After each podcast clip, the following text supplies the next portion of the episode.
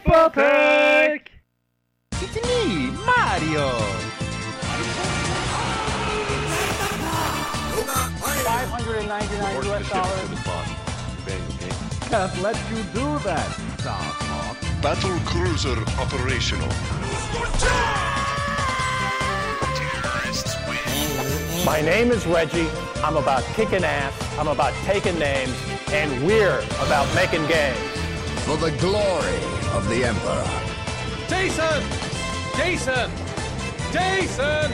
You were almost a gentle sandwich. You're right. That's my game. This place is incredible. Flott. Eh, kjempebra, folkens. Hei, hei, hallo. Eh, velkommen til Supertech episode 44. Jeg heter fortsatt We. Jeg heter fortsatt Joakim. Og jeg eh, heter fortsatt Magnus, har ikke skifta navn siden sist. Vel, om du fikk det med deg, Jukka. Fikk du med deg eh, hva Magnus sa da? At han heter fortsatt Magnus. Nei, jeg bare fikk med meg halve stemmen hans, men det gjør ingenting. Vi kjører på. Ja, han heter Magnus ennå. Ja, ja, ja. han gjør Ja, jo så det. eh, må jeg eh, Tror du meg ikke? Nei, for, for når jeg hørte deg gjennom mikrofonen min, så hørte jeg bare. Jeg fikk ikke med meg hele setningen. Men det gjør ingenting. Det, bare, det vi prøver i, kveld, folkens, er at eh, vi ser hverandre gjennom eh, Facebook Messenger, sånn at vi ser ansiktene til hverandre. Vi Men nikke. vi tar opp Vi kan nikke og, og ha litt bedre kommunikasjon på den måten.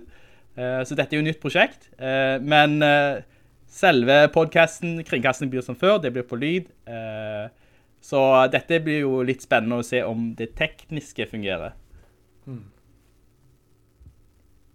Klart det gjør det. Ja.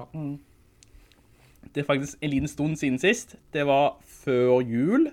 Eh, og da hadde vi en eh, delt episode der jeg og Magnus og Hai eh, satt sammen, og så fikk vi deg inn i etterkant, Jukka. Eh, og så var det også en episode om Sean Connery. Eh, jeg husker ikke når det var, men det var i hvert fall før jul. Kan jeg, eh, kan jeg si noe til den Sean Connery-episoden? Mm. Vi spilte jo den inn på en lørdag. Og så eh, Jeg name-droppa jo eh, Alex Trebek i denne episoden. På grunn av den Ja, SNL-parodien. Søndag, dagen etterpå, Alex Trebek dau. Så eh, jeg føler at jeg Jeg drepte Alex, Alex Trebek, og det, det beklager jeg. Siden jeg name-droppa. er ingen, ingen name-dropping i kveld, altså. Nei, jeg skal ikke Nå har jeg jo sagt deres navn, men jeg får håpe det går fint. uh, vi får være forsiktige med hvem du, uh, hvem du snakker om, uh, Magnus, i tilfelle du har en sånn kraft eh, som du har fått ifra eh, Jesus eller Satan eller eh, gamle Erik. Um, altså, det, det kan, jeg, kan jeg bare si en ting? Det, var, det, var en fo, det er en fotballspiller som heter Aaron Ramsey. og For mange år siden så var det sånn at eh, hver gang han skåret Ja. mål, så døde en diktator.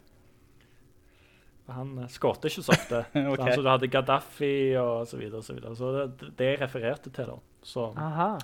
Ja, jeg skal være forsiktig med hva jeg, eh, hva jeg sier. Kjør på. Det er bra. Da slapper jeg godt av. si, vi kan jo snakke om uh, hva som har skjedd siden sist. Uh, hva vi har spilt, eller, eller hvordan uh, julen var. Eh, eventuelt om du fikk noen fine gaver. så hvem vil starte ballet? Kan, kan ikke du bare si først, Wee, hva du fikk til jul i år? Skal jeg Uh, nei, Ja, jeg kan fortelle. Uh, vel, ikke i år, for jul har ikke vært i år. Aha, det er sånn sinnssykt dårlig sånn pappavits. Det Har sånn du den, har du tog den på ungene dine?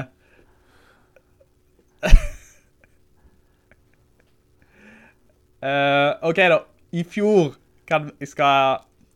Hvem vil starte å snakke med om hva de fikk i fjor? Du er jo regissøren her, du kan jo ikke... Oh, ja. eh, du må dirigere.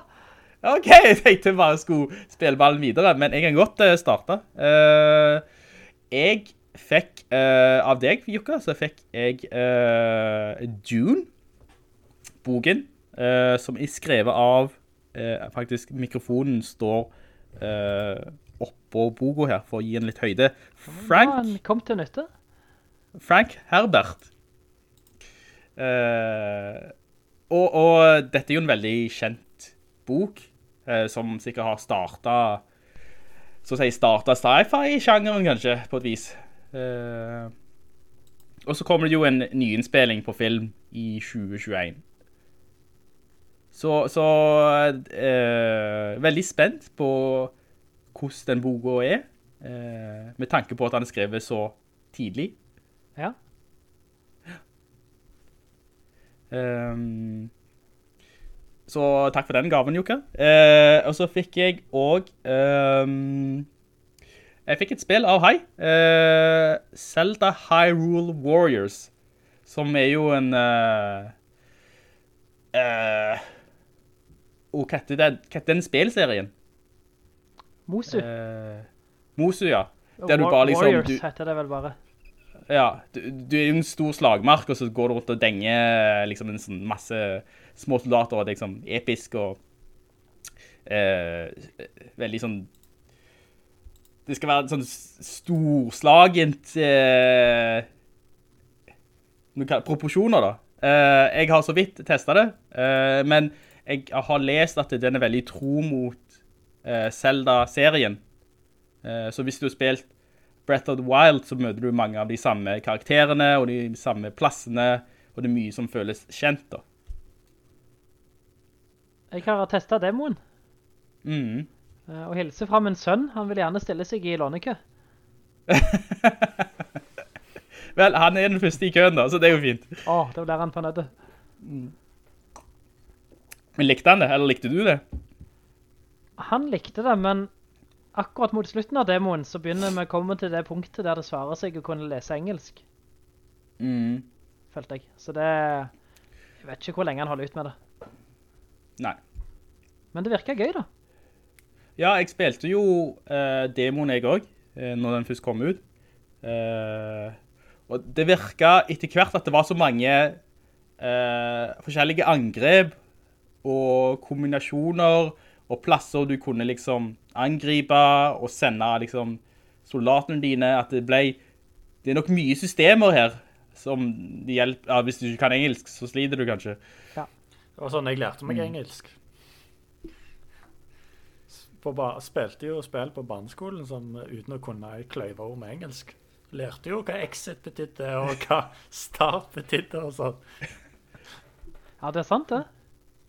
Så det er en fin måte å lære, lære språk på. Ja,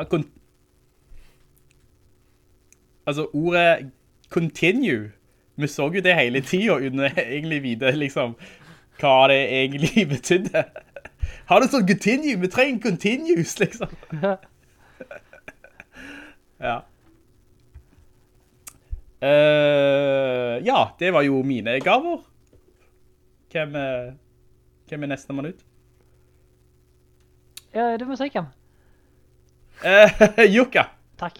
Kjør på, kjør på Nei, det. men vi må det, for det er så mye lag i, i eh, sånn kommunikasjon over nett. Mm. Uh, jeg fikk jo Guitar Hero av deg, vi. Ja, en variant av det i hvert fall. En, en uh, fullblods elektrisk gitar uh, under senga mi. Wow. Ja, ja, jeg var litt eh, spent på hvor de hadde gjemt den.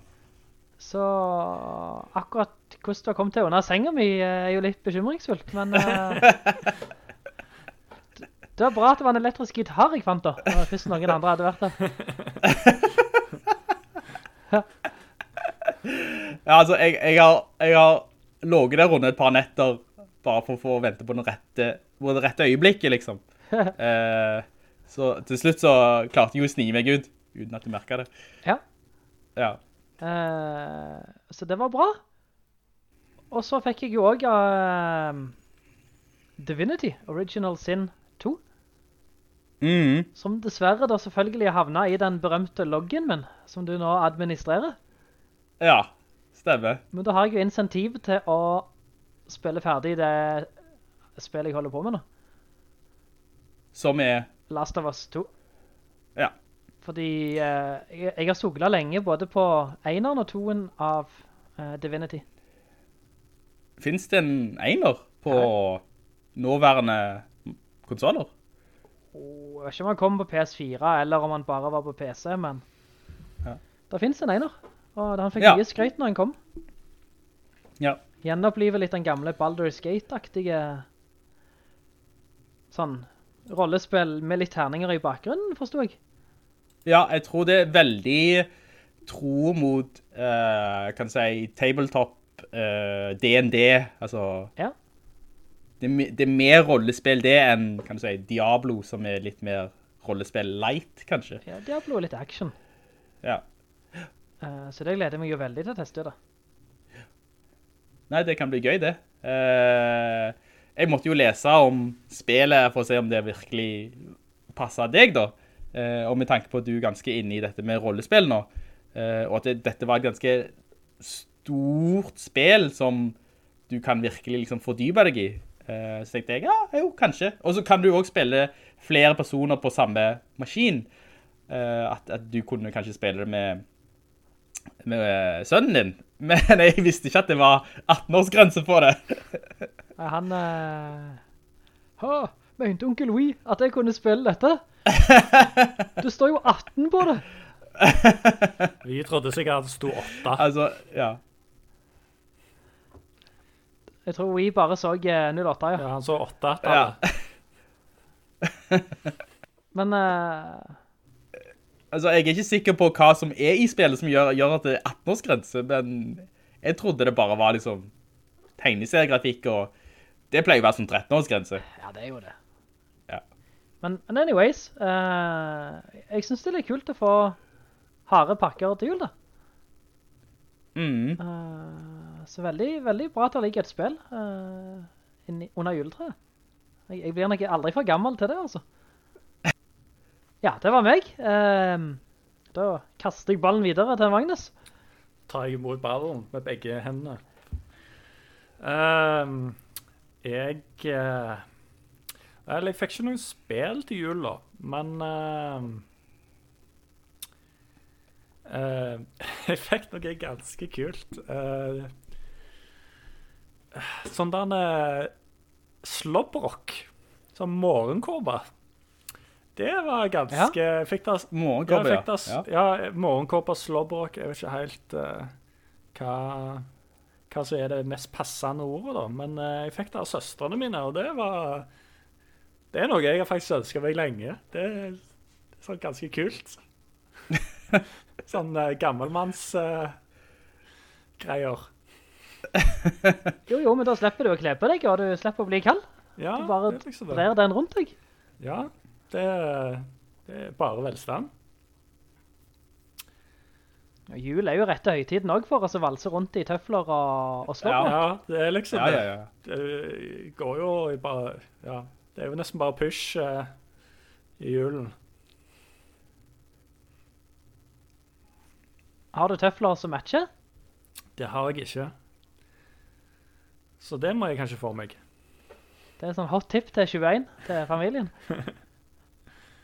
Ja. Eh, Hva andre ting jeg fikk til jul? Nå er det så lenge siden, det er helt år siden. det var en dårlig vits, sorry.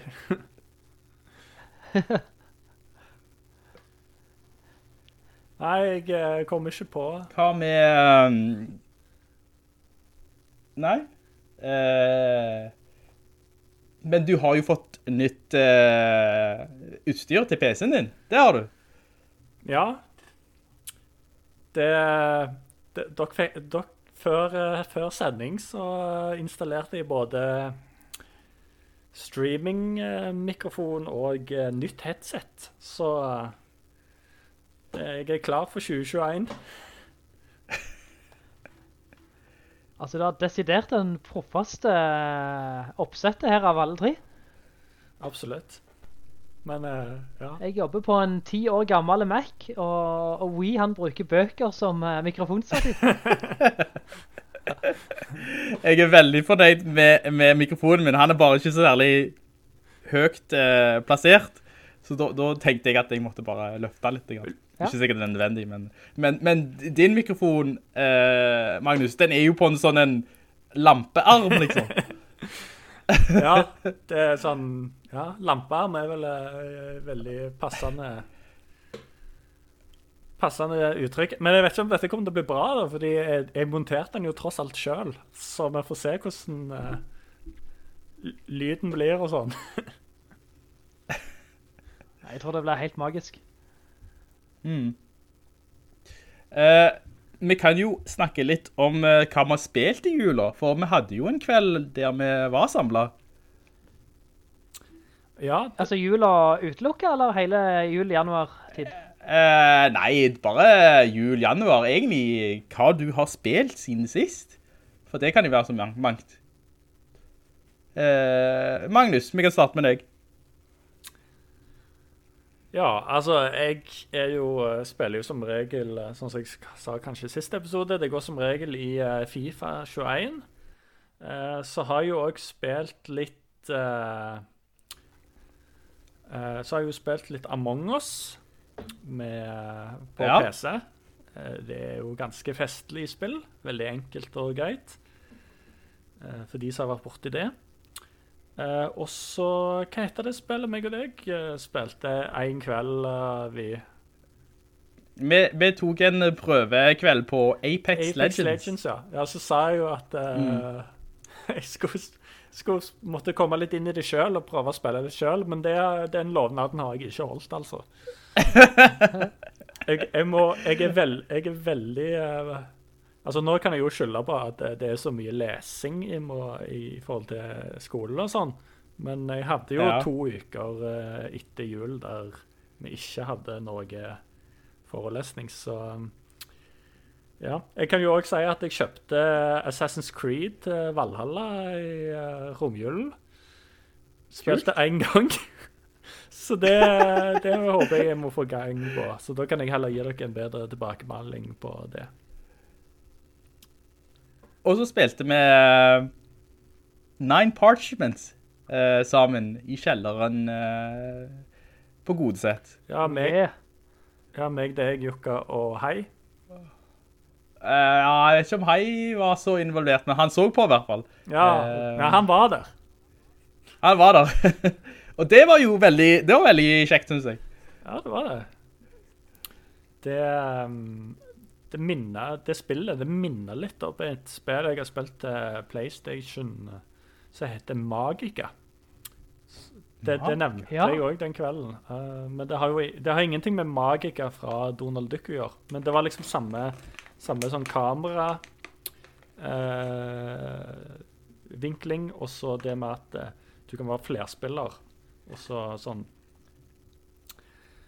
Ja. Gjøre sånn spells og sånn. Jeg tror meg og deg har spilt det sammen nå. Så er det Magica? Magica, Ja. ja. Det høres... Det, det ringte ikke i bjelle for meg, altså. Ja, da har jeg drømt det. Vi har spilt noe som ligner veldig på Magica. Ja, det spiller... Sånn Tower Defense-aktig. Hmm. Så Uh, jeg prøver å se noen bilder av den nå, se om jeg kjenner igjen. Uh, får en sånn Disney-serie, det kan ikke stemme. Tower Defense spiller vi, der vi har kastet magi.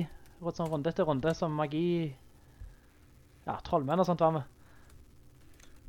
Uh... Men magi er ikke Tower Defense da, Magnus? Nei Altså, det er jo mer litt sånn adventure-spill, egentlig. Du skal liksom ut og Ja. Utforske. Men jeg synes selve grafikken og selve kamera eh, var, var likt, da. ja. Jeg ser bilder av det nå. Det, det minner veldig mye om det, ja. Men jeg, jeg husker hva spill det er med, med, med, du snakker om, Jukka. Uh, Ja. Men jeg husker ikke navnet på det. Jeg husker bare at uh, ja, det var mye magi, og så lagde vi sånne tårn, og så kommer det fiender i et sett. bølge etter bølge. Mm. Jukka, deg da? Eh, Switchen min har jo fått masse kjærlighet. Kjærlighet er bra. Ja, uh, særlig fordi vi spiller det mye i familien da. Enten hjemme eller på tur. Mm. Uh, det er mange spill som faktisk funker for hele familien. Altså, Som Mario Party har vi spilt en del. Mm. Uh, og det er kult. Men jeg savner jo litt uh, Nintendo-land fra Wii U. Ja. Eller det første Wii Party-spillet til Wii. Uh, det er så lenge siden nå. Uh, uh. Bare sånn småspill, men i bra tempo og bra størrelse på spillet. ja, for med Mario Party så har du liksom dette brettet så, som blir trillet av terninger, liksom. Tenker du at det er litt... At det blir litt så mye ekstra for, før du kommer til småspill, Litt, ja, litt sånn sirup. Litt mye all og boll. Mhm. Mens Wii Party, der du gjemte kontrollen han lagte dyrelyder i familien. så skulle du gå og finne han. Det var jo det. ja, stemmer. Men, men det er nok det beste av sånne småspill som finnes på Switch, som jeg har prøvd da. Du har ikke... Du har brettspillene, du har en dansestage, du har uh, ned denne elva i en flåte så du samarbeider om å padle. Mm. Så det er veldig mye kult i, i Mario Party-pakken. Mhm. Eh, Mario Tennis har jeg spilt. Ja, stemmer. Overraskende gøy. Eh, Odyssey har jeg jo ikke rundet, men nå har jeg tatt et par verdener til der. Du, du har ikke sett... Altså, du har ikke slått Bowser ennå? Eh, Ja, nei, ok. Jeg gjorde det nå i, i, i Ja, ferien. kult. Og kom til Peach sitt slott og sånn skikkelig Nintendo 64-brett. Stemmer. Så det var, det var nostalgi, Ja, altså. det, jeg, husker, jeg husker det. Og utenom det så har jeg jo fått spilt litt videre på The Last of Us. Mm. Skrudd ned vanskelighetsgraden et hakk, og angrer egentlig ikke på det. Uh, vet du hva den står på, eller om den har en betegnelse? Nei, det husker jeg ikke, men jeg lurer på om det er enda et nivå jeg kan ta en enklere. Mm. At det er easy og very easy, altså det er kanskje easy. Tenk.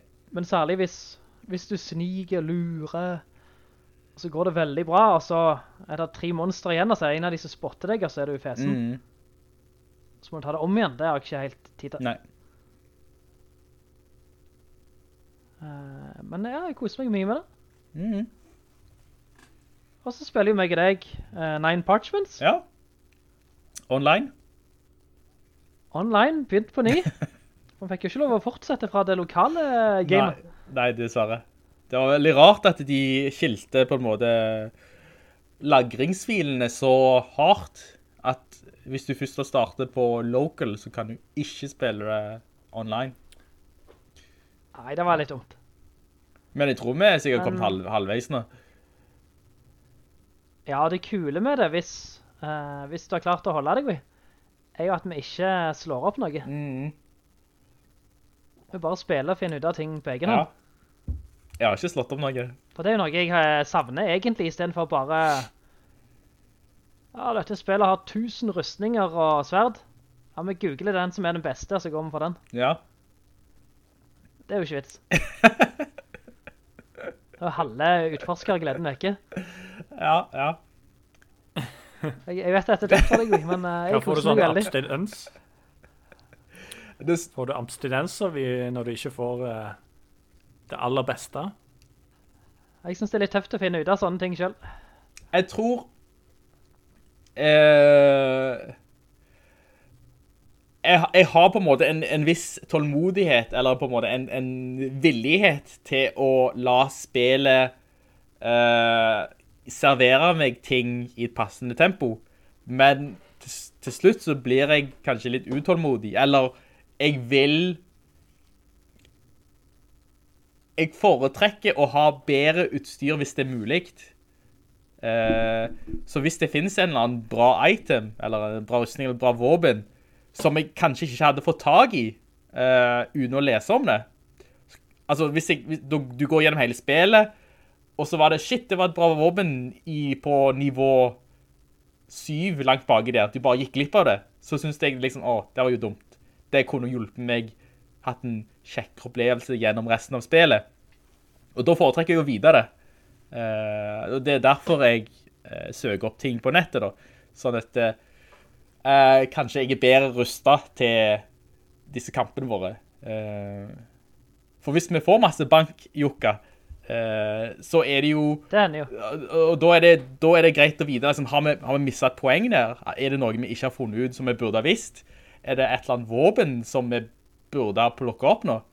Da tenker jeg det er greit å vite. Eh, så jeg, tror det, for meg så handler det kanskje litt om tålmodighet, og når min tålmodighet går slutt, eh, så finner jeg svaret online. Den kommer ikke fort tilbake når den først har gått opp. Nei, nei, den er, den er, det er point of no return, altså. Det er ikke sånn moderne som lader seg selv når du bare gjør en litt pause. nei, det, nei det er noen går tom, så dessverre. Uh, Jeg merker det litt selv.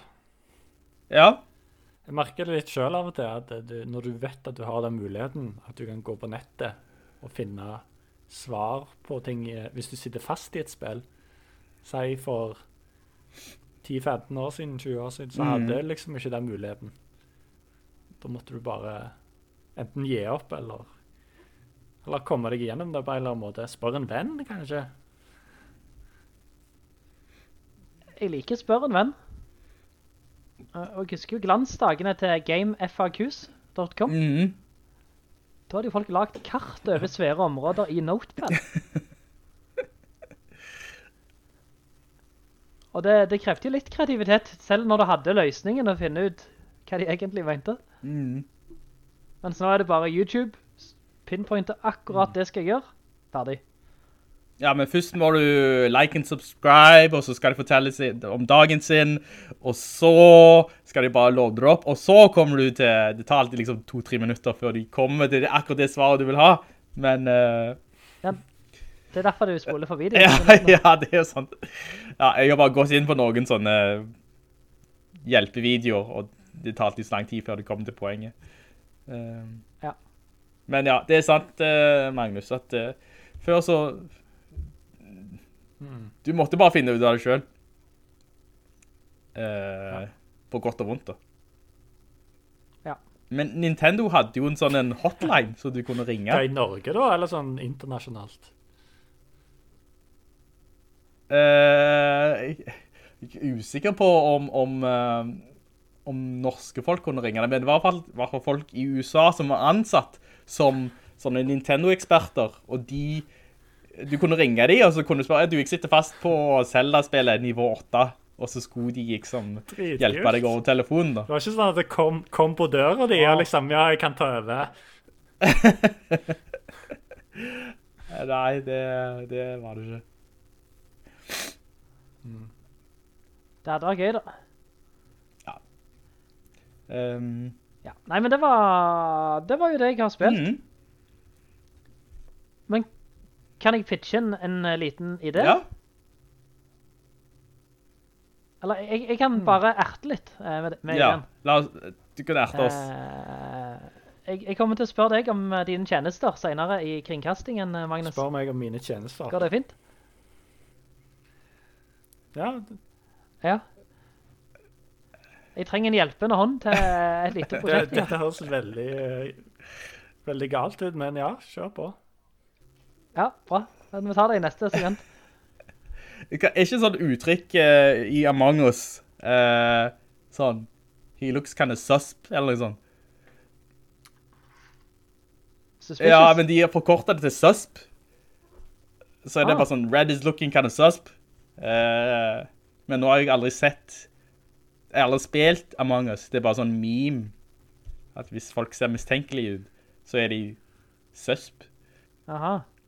Jeg vet ikke, om- er det sånn det foregår, Magnus? Ja, altså, jeg har jo spilt Among Us med eh, noen jeg kjenner, eh, og så har jo de invitert noen de kjenner, som jeg ikke kjenner, så da eh, Jeg har jo Den ene gangen ble jeg skikkelig Skikkelig pissed, skikkelig irritert for en av de andre fyrene som jeg ikke kjenner.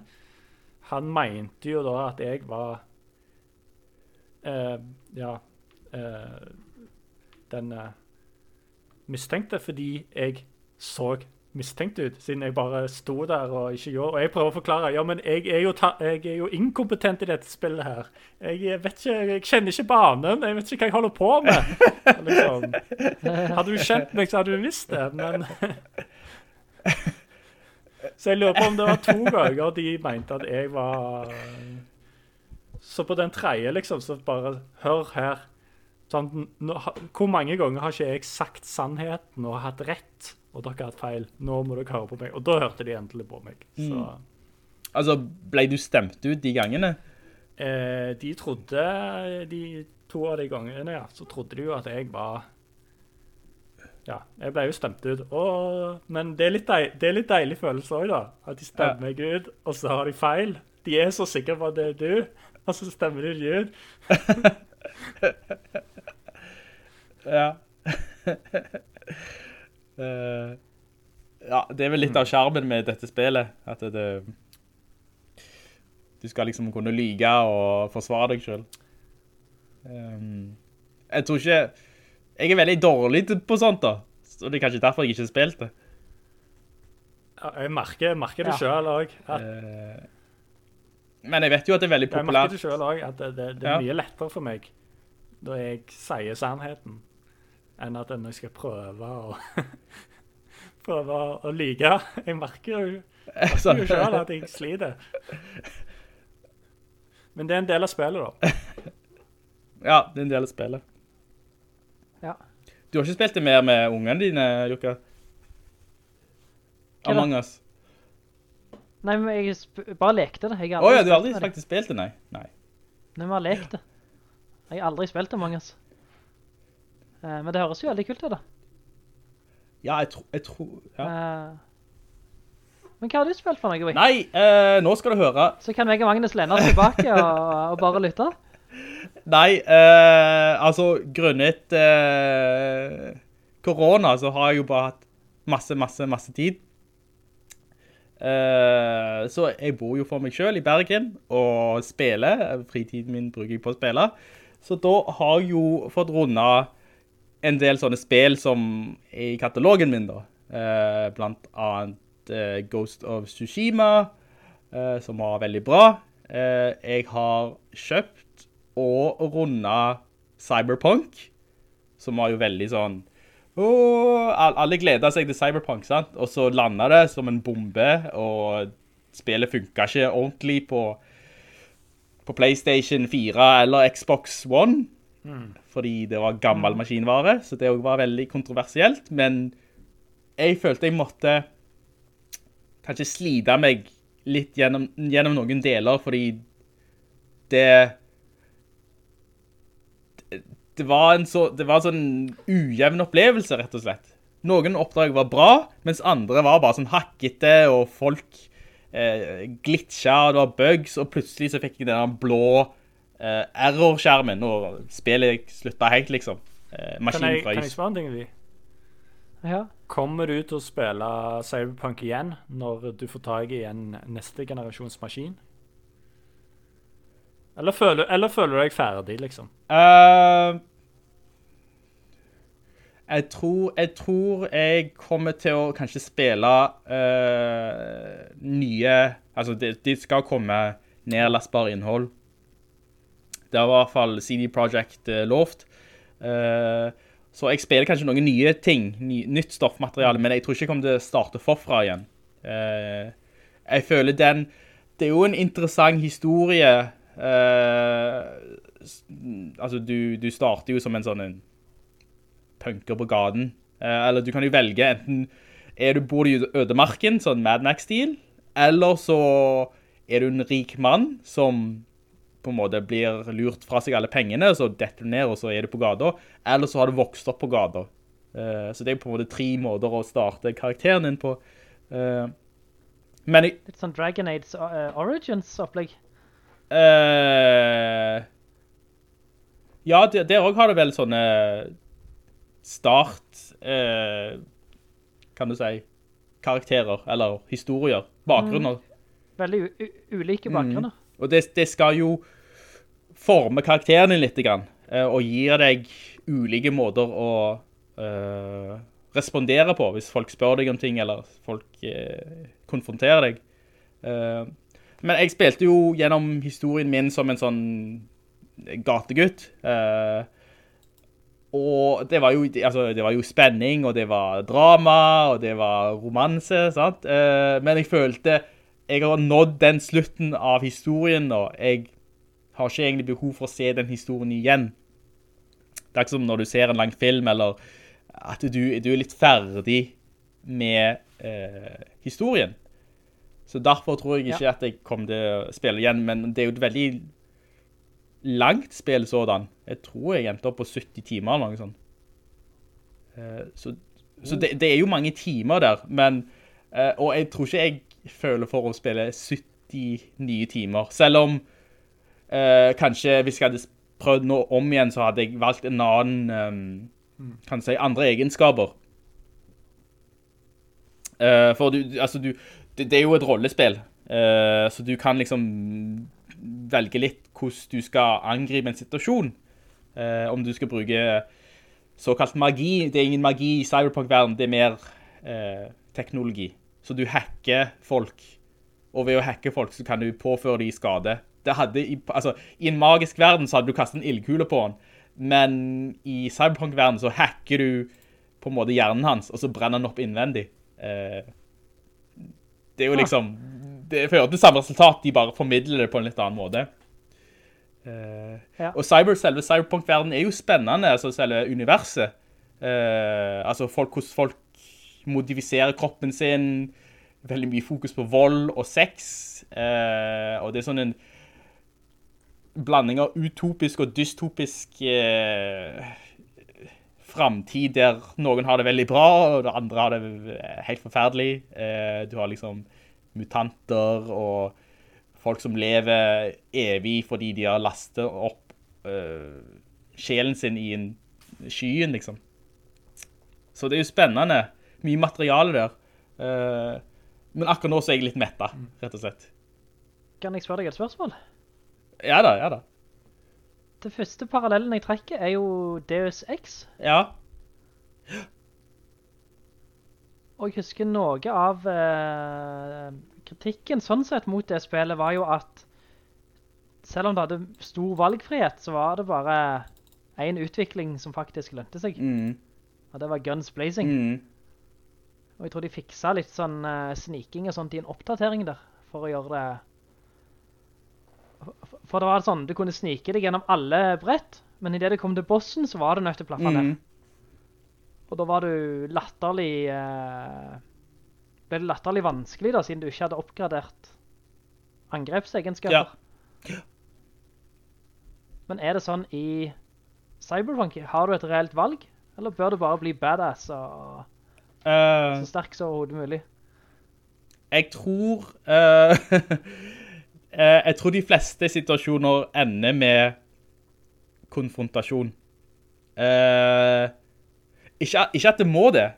Altså, hvis du er veldig flink Jeg har klart sideoppdrag der jeg har sneget meg inn og ut uten at de har merket meg. Altså, jeg har ødelagt alle kamera. Jeg har sneget meg rundt. eh, jeg har ikke etterlatt meg spor, og hvis jeg knocker ut en fyr, så dumper jeg han i en boss-container. altså, jeg, jeg var som et spøkelse, så det gikk bra. Men med en gang ting går gale, så må du jo opp med pistolene. Og da er det greit å i hvert fall eh, kunne skyte eh, og kunne bruke våpen. Eh, så jeg tror, jeg tror det går an å gå gjennom spillet som en munk og ikke skade noen. Eh, og, og være liksom totalt spøkelse. Men hvis det går gale, så sliter du jo. Ja.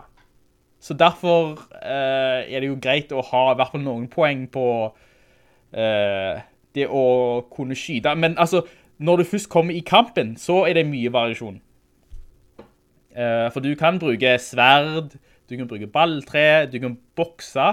Eh, du har sånne, så å si, sånne knivblader som kommer ut av hendene dine. Eh, det var jo veldig ikonisk fra eh, sånn, et promobilde for sikkert ti år siden. Var en dame som hadde sånne kniver som kom ut fra uh, armen.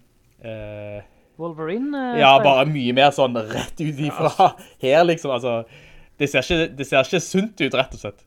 Altså, altså ikke knivblader fra fingrene, men selve armen. Liksom. Selve armen, ja. Det er liksom, selv, altså, folk tar jo og maltrakterer kroppene sine. De bytter jo ut kroppsdeler, så på en måte den hele underarmen din er jo bare robotisk, fordi det kommer jo en flere, to-tre kniver ut fra armen din. Eh, så det ser litt grotesk ut, men eh, det er en del av liksom, cyberpunk-verden da, at folk modifiserer så å si alt. Det, det er nesten, det er veldig lite menneske igjen i deg da. Eh, men, men det finnes jo mange måter å slåss på, du, og du kan snipe, og du kan bruke uh, hagler og rifler, og du kan bruke sånne hackemetoder. Uh, en av de tingene som jeg fant ut uh, etter hvert, fordi jeg, jeg prøvde jo å kjøre en sånn en, eh, jeg prøvde å ikke dreve for mange folk. Eh, bare fordi det skulle være litt mer utfordrende. Og da fant jeg en sånn hack som gjorde at jeg kortslutta folk. Eh, så da datt de jo bakken ut, Ah. uten å dø, da.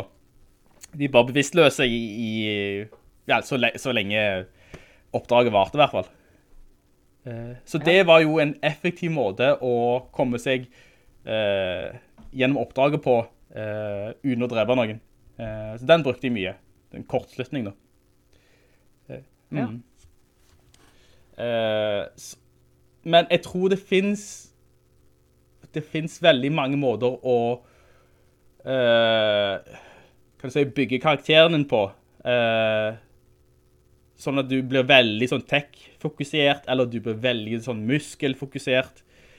Og jeg tror hvis du leser sånne visse guider eller uh, på nettet, så finnes det liksom oppskrifter på hvordan du lager den ultimate fighteren. Enten du går den ene veien eller den andre veien. Og jeg tror jeg valgte, jeg tror jeg valgte egenskaper som var litt sånn midt på tre. Jeg var ikke noen spesialist på noe som helst. Uh, som gjorde at i visse oppdrag så var jeg sånn, eh, hvordan skal jeg gjøre dette?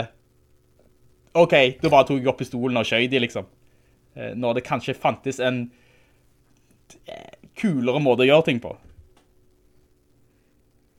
Hva ville rådet ditt vært? Altså uten å følge oppskrift, men i grove trekk da.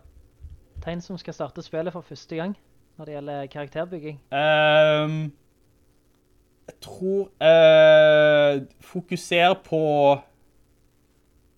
uh, disse hackemetodene. Uh, altså såkalt quick hacking. Uh, det er noe du må liksom sette deg inn i, for det er ikke alt som blir forklart til deg like bra. Eh, Så uh, jeg tror hvis, jo, jo mer du investerer i denne hackemetoden, jo uh, mer blir spillet litt mer sånn, kan si, rollespillaktig, og ikke bare som et skydespill. For, for, for, for Ja. du kan liksom bare gå gjennom spillet som et skydespill og skyde alle sammen, men da forsvinner noe av på en måte essensen med spillet da. For det er jo cyberpunk. Altså, du skal jo kunne hacke og manipulere folk fra en distanse. Eh, Ja. På nett, liksom. Cyber. Eh, så jeg, jeg tror, eh, ja, bare det å kanskje, ja, du kan skyde, ja, men prøv å være litt mer kreativ. Eh, prøv å snige deg rundt, og ikke bare gå inn frontdør og hallo, bang, sant? Funk, det funker jo det også, men, men, eh, men ja, jeg tror det hadde vært tipset mitt. Ja. Mm. Eh, du, du tenker ikke å spille Cyberpunk? Du? Altså, en rocker. Eh, Med tid og stund. mm, ja, altså, jeg, ehm, eh, jeg For når jeg skulle kjøpe jeg, For meg så sto det mellom eh, Cyberpunk og eh, Assassin's Creed. Å kjøpe et av de spillene, og så Mm. Ja. var det jo en del bugs og sånn med Cyberpunk, da. Så nå, jeg, jeg tenker å la det ligge til, til neste generasjon. Tror det, Mm. tror det, tror det er det beste. Ja, det, det har jo vært mye trøbbel med, med selve spillet, og utviklerne kom til å beklage seg. Um, De har òg Og- de har også, Folk har jo fått refundert eh, pengene sine òg. ja, stemmer. Mm. Uh, Det er ganske sykt. Ikke fra PlayStation, Store, vel. nei, Eller de måtte kanskje gi tapt til slutt, det vet jeg ikke. jeg tror, jeg tror kanskje de ga seg til slutt. Uh, men det, det har jo påvirket ryktet, og sikkert aksjeverdien til Cyberpunk uh, betraktelig. De, hadde, de har hatt mye godvilje hos, hos fansen, men jeg tror den ble skadet nå, altså. Fordi dette spillet ble jo lansert uten at anmelderne hadde fått tilgang til PlayStation 4 og Xbox-versjonen. Så, Ja. så de kunne ikke si at dette spillet er ganske uspillelig. Uh, men og da hadde jo folk allerede kanskje kjøpt det, eller forhåndsbestilt det. Uh, så, så det er ganske dårlig gjort. Det, det jeg så i hvert fall av reviews på Cyberpunk, så fikk de jo terningkast 6 nesten alle plasser. Så at det skulle være så buggy, det, det, tror jeg det var ingen som forventa. Mm. For det fungerer visst rimelig greit på PS5 og PC. Mm, jeg tror, ja, jeg, altså, når jeg ser det på andre maskiner, så ser det ut som det er et helt annet spill nesten. Uh, og det, eh, det, det, det flyter bra, og det er ikke så mye sånn hakking, og uh, spillet kortslutter ikke, liksom. Uh, så jeg tror du har en helt annen opplevelse hvis du spiller på andre maskiner. Eh, så, så det kan være lurt å spare den opplevelsen til Jukka. Du skal jo, du har jo planer om å bygge en, en monster-PC, og, og Magnus, kanskje du kjøper en PlayStation 5. Eh, det kan være lurt, ja. Ja, det er jo ikke monster-PC jeg bygger da, det er en budsjett-PC. Ja, Er det andre spill du har spilt på, så du må nevne? ja jeg har jo spilt... eh, jeg fikk på, til bursdagen min, så fikk jeg jo Spider-Man Miles Morales. Ja. som, som er jo Spider-Man 1,5, altså, eller på en måte, det, det er ikke direkte oppfølger, men uh, det er en sidehistorie som sikkert varte i 20-25 timer, kanskje. Uh, mye av det samme, men det er jo bare bra. Uh, det, historien fortsetter jo etter Spider-Man-spillet har sluttet, så det er en fortsettelse på historien, men det handler ikke om han Peter Parker lenger, det handler om Miles Morales, som er jo, kan du si, en, en alternativ Spider-Man. Eh, med en litt egen historie, og egne venner, og egne uh, intriger, men og mye av de samme egenskapene, men han har også, eh, si, elektriske krefter, eh, som forandret slåsskampene litt, og ga det litt mer sånn umf da. Ja. Ja. Eh, men det runder jeg i en fei. Finnes han i, i tegneserieverden, eller kun i spill? Nei, han, han finnes. Eh, han hadde jo en egen film, eh, som er veldig bra for så vidt. Eh, Into the Spider-Verse, tror jeg det heter. Det var den som var animert. Er det en animert film? Den er animert, ja. så jeg faktisk på kino. Den var jævlig bra. Ah. Kult. Ja, men altså når du blir bedt på og liksom Ja, vi skal se Spider-Man. Det er tegnefilm. Så har du jo litt lave forventninger. Ja. Ja, det var Og så klinker han til Ja, det var Ja, nei, den, den, den filmen er veldig bra, faktisk. Det kan jeg si. Finnes den på lovlige strømmetjenester? ja, det vil jeg uh, tro, altså. ja, han er, jo, han er jo gammel, altså gammel, gammel, jeg tror han er 2018 eller noe sånt kanskje. Så den finnes nok overalt, der du kan leie, låne filmer. Ja. Mm. Eh, om jeg har spilt... eh, jeg holder jo fortsatt på med Ring Fit Adventure da. Eh, men jeg tror... I over et år, vi. Ja, altså, altså eh, Jevnt og trøtt. Altså, nå har jeg ikke spilt det like mye som, som i starten, for nå eh, trener jeg litt sånn andre greier. Eh, men, men alt i alt så har jeg over 100 timer i treningstid eh, med det spillet. Wow. Eh, og det er jo på en måte, jeg er jo på tredje eh, runding nå. Eh, for, men du får, altså du har, du runder den en gang, så får du New Game Plus. Og så har du New Game Plus Plus. Så jeg er på den tredje omgangen min nå, eh, der fiendene er nok så sterke, men jeg har jo overlevelet meg selv. Fordi jeg leser sånne guider og sånn etter. Nei, gjør det? Så eh, eh, jeg tror kanskje jeg om en måned eller to så har jeg runespill for tredje gang. Og da vet jeg ikke hva jeg skal gjøre, for da har jeg jo sett slutten, da er ikke det mer å hente i spillet. Eh, hvordan skal jeg trene da? Det er et spørsmål. Uten spillet? Ja. Er det... Altså, jo, så spilte jeg jo... eh, Nå bare fortsetter jeg til jeg går, tom for spill, men jeg uh, spilte jo... Kjør på. Eh, hva heter det der andre-spillet? Eh, Untitled, Untitled Goose Game, ja. Han er en gåsvill, ikke sant? Sorry. Duck, duck, goose, whatever, potato, potato. Eh, same, same. Same, same, but different. Nei, det, var, det spillet var jo charmerende. Uh, det kan jeg si. Uh, men der også, det, de, de, du får veldig sånne oppdrag, det, er vel, det er ikke alltid så bra beskrevet. Det er bare sånn, ja, hent en nøkkel. Uh, og så er jeg ikke helt sikker på hvor nøkkelen er. Eh, men det er meningen at du skal gå rundt og, du skal, det er jo en eh, gås da, og så skal du liksom bare gå rundt og utforske og, og ødelegge for andre folk egentlig, stjele ting og være litt sånn pøbel. Så Ja. jeg tror det er en, en del av opplevelsen er jo bare utforskning, da. Eh, men eh, det, altså, hvis jeg satt der langt ut på kvelden og visste ikke jeg hvordan få tag i den nøkkelen, så måtte jeg jo bare se på løsningen til slutt. Ja, for jeg trodde det spillet egentlig bare var noen timer langt, egentlig. Ja, ja, ja, det... Ja, jeg tror det var... Jeg satt kanskje sånn to-tre kvelder, og så var, det, var jeg ferdig. Ja. Men det finnes, etter at jeg rundet spillet, så fikk jeg jo nye oppdrag. Uh, men jeg har ikke liksom uh, gjort det da. Uh, nei. Nei. Um, Apex Legends, ny sesong. Den kom ut i dag. Jeg spiller, jeg spiller eh, nå, nå har jeg faktisk fått Uh, eller jeg og Dang og uh, Dang sin svoger.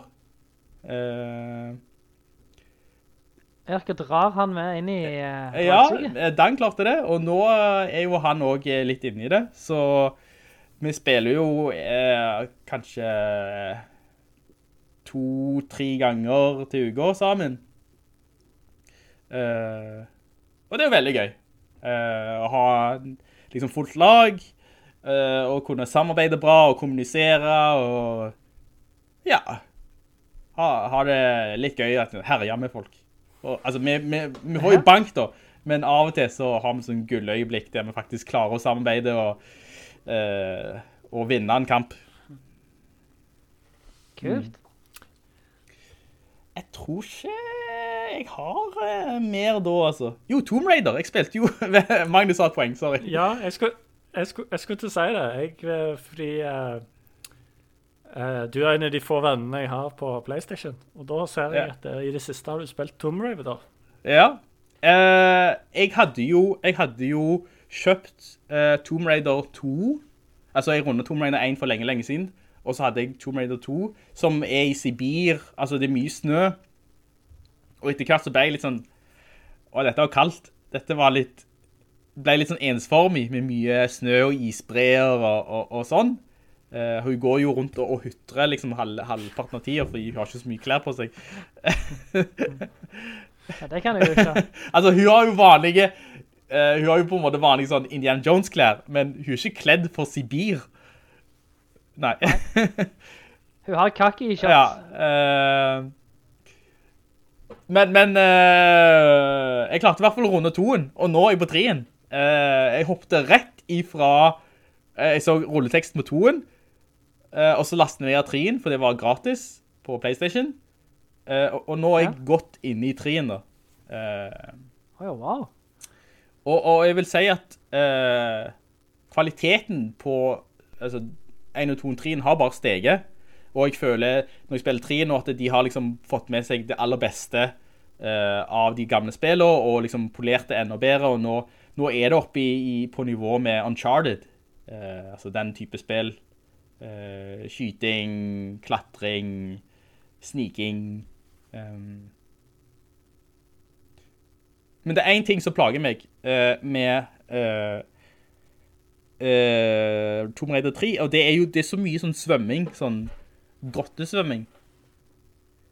Svømming er aldri gøy spill. Ja. For, for du er jo nede der, og så er det kaldt, og så er det mørkt, og du ser jo ikke hvor du skal. Så jeg har druknet så mange ganger. Fordi du ikke ser opp og ned og hva som er Ja. veien. Eh, og så er det piraya og sånn barracuda. Går du feil vei, så sitter du fast.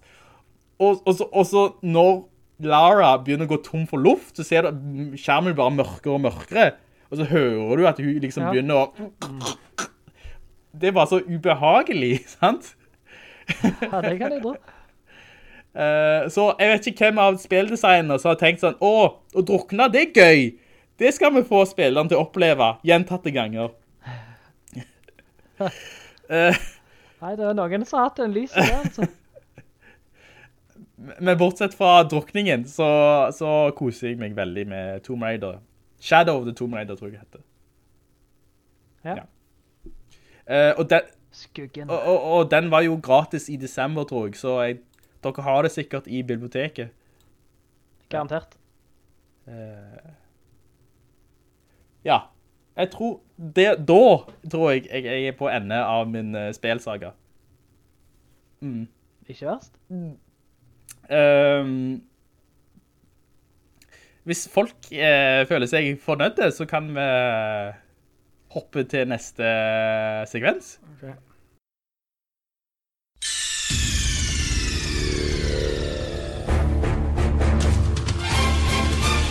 Supernyheter. Velkommen til Supernytt. Da starter jeg ballet. Og kort og konsist, som eh, vordende eh, PC-bygger, så har jeg forstått at det er et lite eh, problem med tilbud og etterspørsel når det gjelder grafikkort. Jeg tror det skyldes skyldes korona, at alle skal ha PC, hjemme-PC, whatever. PlayStation og Xbox trykkes jo opp i store, eller aldri store nok kvanta. Og folk driver og kjøper grafikkort for å mine bitcoins. Stemmer. Ja. Samtidig som de sitter og har botter som kjøper opp med en gang en butikk får en kort. Mm. Så grafikkort går jo for mange ganger prisen av det de er verdt. Og alt utenom fem år gamle drittkort er utsolgt alle steder. Mm. Eh, og det fant jeg ut nå, når jeg skulle bygge min egen PC for første gang på 20 år. Så jeg har ikke bestilt noe grafikkort, jeg har holdt meg unna. Mm. Men jeg håper jo situasjonen skal bedre seg snart da. Uh, Jeg skal kjøpe et av disse high-end kortene som koster 6000 og som selges for 50 000. Mm. Eh, Jeg vil ha noe som er litt under middels godt, men, men til og med det er jo utsolgt overalt. Eh, Så det er jo en sånn, eh, ja, grafikkort, nyhet. Det er jo litt uheldig utvikling da. Hva kaller du det? Ja, for det flasker seg litt, og det er det selvfølgelig noen som tar, eh, ser sitt snitt til å tjene penger, eller drive med videre salg og sånt noe. Mm.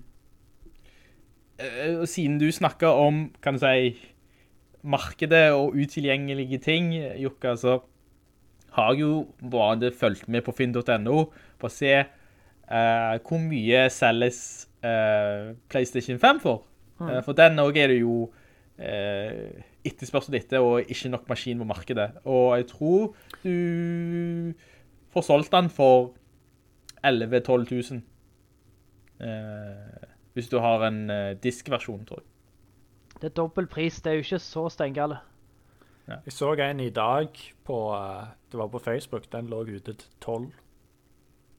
Men jeg vet ikke om det var Ja. diskversjonen, eller om det var den digitale. Ja, eh, jeg, jeg linka, jeg linka en sånn annonse til dere der det sto at det var en PlayStation 5 med CD-rom, som, som er litt morsomt uttrykk, for eh, PlayStation har jo ikke CD-rom.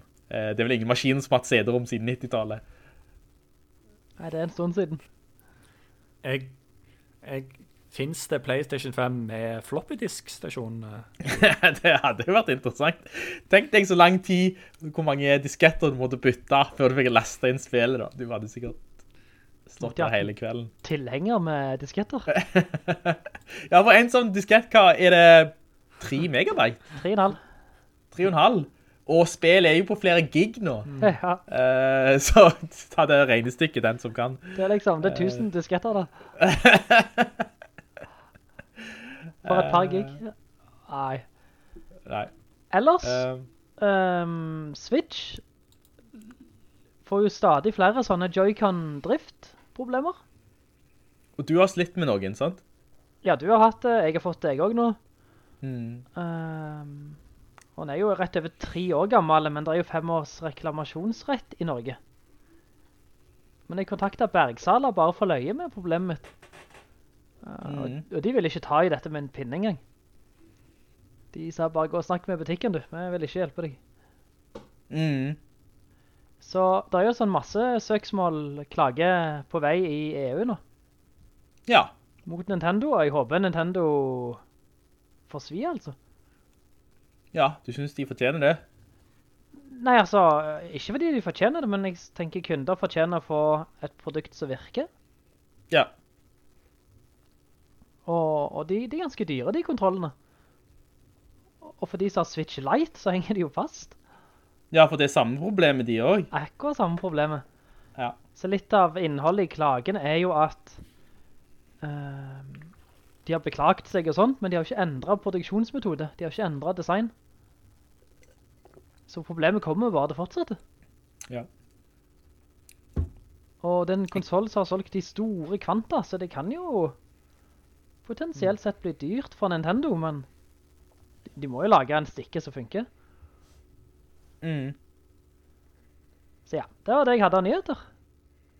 Magnus? Gode nyheter. Eller, ikke, ikke gode nyheter, men uh, interessante nyheter. Interessante.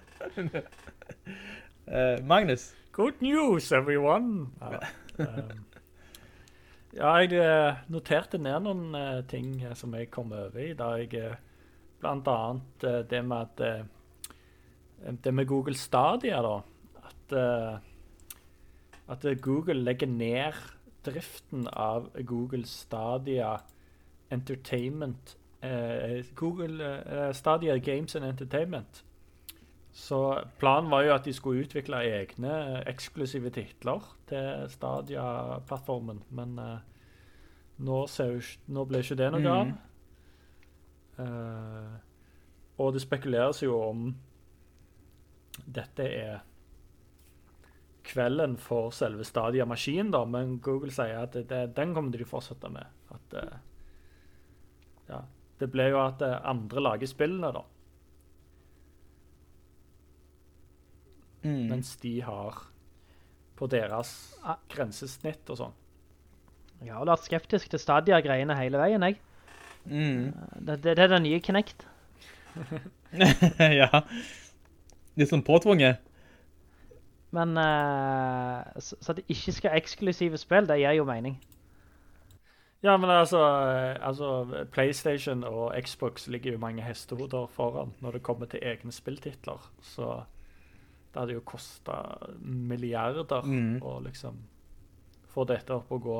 Og så er det jo korona og pandemi og sånn, sikkert enda dyrere. Så jeg har jo litt, jeg har forståelse for det. Mm. Absolutt. Altså, ja, det, som du sier, Magnus, så, så, har jo ikke Google samme erfaring eller kompetanse, uh, selv om de har sikkert fått inn folk fra ulike plasser, men de har ikke samme uh, erfaring med å lage og utvikle sine egne spill. Uh, og det er derfor kanskje de startet på noen prosjekter, og så så de at nei, dette holder ikke mål, kanskje, eller de, de mm. førte ikke helt til de resultatene de ønsket seg. Uh, men, det, uh, men, det, jeg tenker kanskje er litt dumt, er at uh, Google hadde kanskje, hvis, hvis dette uh, selskapet, ikke selskapet, men eh, hvis disse folka hadde klart å lage et spill som var spesielt lagt for Google Stadia, så, så hadde de på en måte utnyttet det potensialet som var der i forhold til alle disse mulighetene du skal ha for å, når du spiller spill gjennom skyen. Eh, men nå får vi jo på en måte andre spill som på en måte blir importert inn til Stadia da, og da, jeg vet ikke om det blir like mye sånn, jeg vet ikke om de får utnytta det potensialet som er der, like fullt, men Stadia er fortsatt i, i, jeg føler det det er fortsatt i startfasen. Eh, vi har ikke liksom sett alt som er mulig ennå. Eh, jeg tror fortsatt det er håp. Jeg tror fortsatt det kan gå. Eh, men selvfølgelig, korona har jo eh, satt en bremse, en stor bremse for eh, hele utviklingen, tror jeg. Ja. Skal jeg eh, gå videre på neste nyhet? Mhm. Mm. Eh, da eh, Det var noe jeg så i dag, da. Men det er at Ikea de, skal, de har lansert gamingmøbler. De går sammen med. Republic of Gamers, ROG, og eh, ja eh, Skal lage gaming Altså stoler og bord og Ja. Og eh, til å begynne med så er det kun tilgjengelig i Kina. da. Huh. Altså, nå, nå ser jeg bilder, det ser ganske heftig ut. Altså. Ser du den der koppen? Wow, det var jo et kult samarbeid. Jeg jeg ser sånn svart eh, bord og stol og... Ja, for det, det var en ting jeg syns Ja, alt er veldig svart da. En ting jeg synes det var litt kult, det var det gamingbordet. Så har han sånn, eh, sånn koppholder. Ser du det? uh, ja, jeg tror jeg ser det her, ja. Altså to, Hæ. to kopp... Hmm. Ha, fantastisk kult, altså. Ja. Altså, du må jo ha drikke klar. Eh, du må jo ha energi.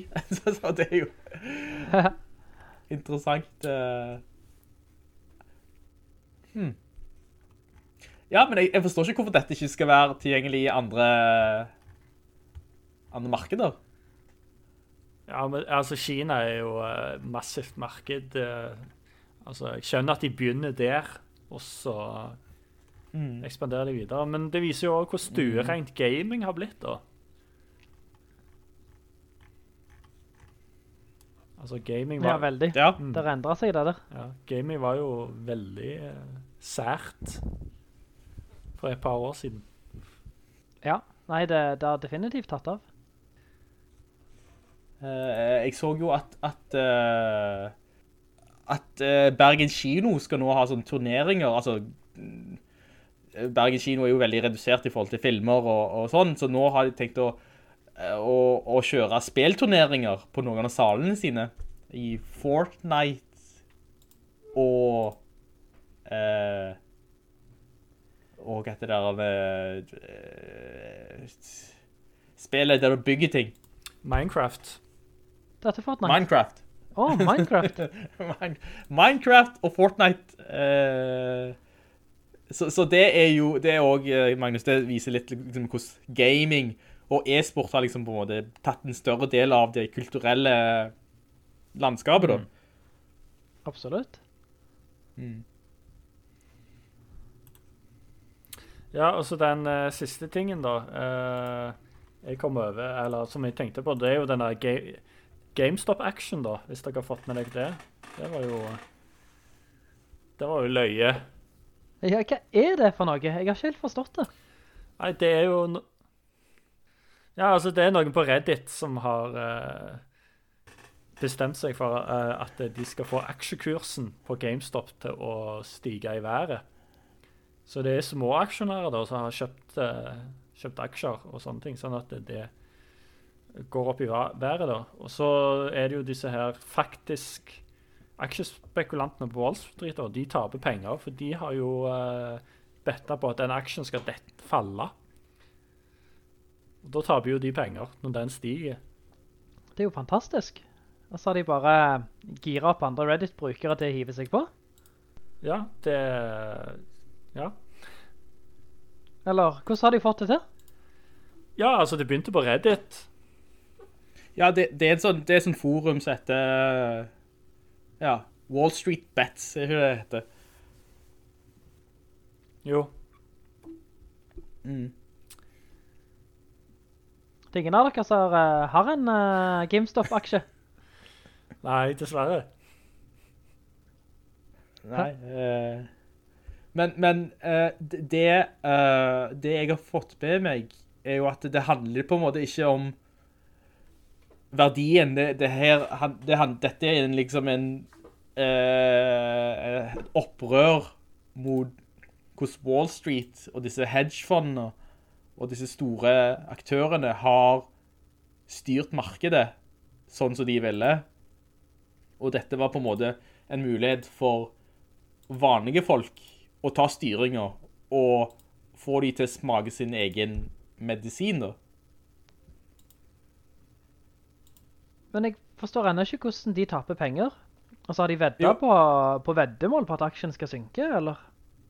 Uh, jeg vet ikke, jeg, jeg, jeg, jeg prøvde å forstå det i dag, og jeg tror jeg kommet med en god uh, analogi. Uh, så får du rette meg hvis jeg tar feil, Magnus. Eh, men dette er et sånt uttrykk som de kalte det for short, shortening, eller short eller noe sånt. Eh, men Ja, shorting. Ja. Og det vil si at eh, Og da skal jeg prøve å bruke et reelt eksempel som gjør det lettere. Og, og det er, Magnus, eh, hvis du eier en sykkel, eh, og så tar jeg og låner sykkelen din, eh, og jeg vet at eh, verdien på sykler kommer til å synke, eh, og så selger jeg sykkelen først til deg, Jokka, for eh, 10 kroner Før han synker. før han synker. Og så synker eh, verdien på sykkelen til eh, 5 kroner. Og da, du, da ønsker du å kvitte deg med han. Så da kjøper jeg han tilbake fra deg. Ja. Og så, og så gir jeg den sykkelen tilbake til Magnus.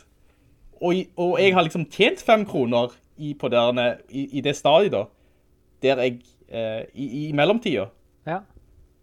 Eh, så det, det, det, det, jeg tror det er der de tjener penger på at de vet, eller de håper, eller de manipulerer markedet, eh, sånn at ting faller i verdi, men eh, de har liksom tjent på, denne, på dette tabet da, ved å låne aksjer et sted. Ja, det er veldig bra forklart.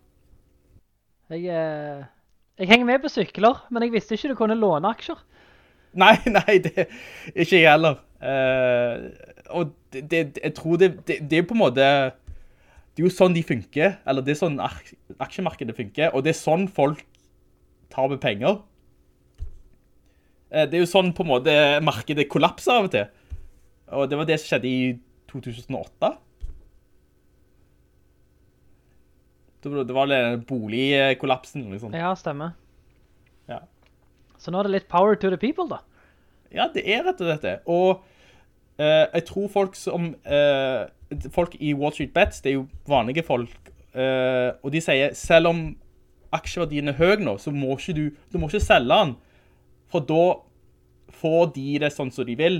Eh, ved at de bare beholder aksjene sine nå, så er de der hedgefondene, de er, de er ikke interessert, altså jo, mer, jo lenger de hold, eh, Wall Street Bets eh, holder, beholder aksjene, jo mer mister Wall Street.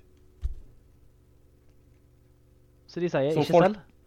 Ikke selv. Og folk er Vær måte, ja, altså, vær lojale mot eh, andre, og mot GameStop, ikke minst, fordi, jeg tror det ble valgt fordi folk har et godt minne, eller eh, et godt forhold til GameStop. Eh, og de vil ikke at den eh, bransjen skal forsvinne helt. Ja.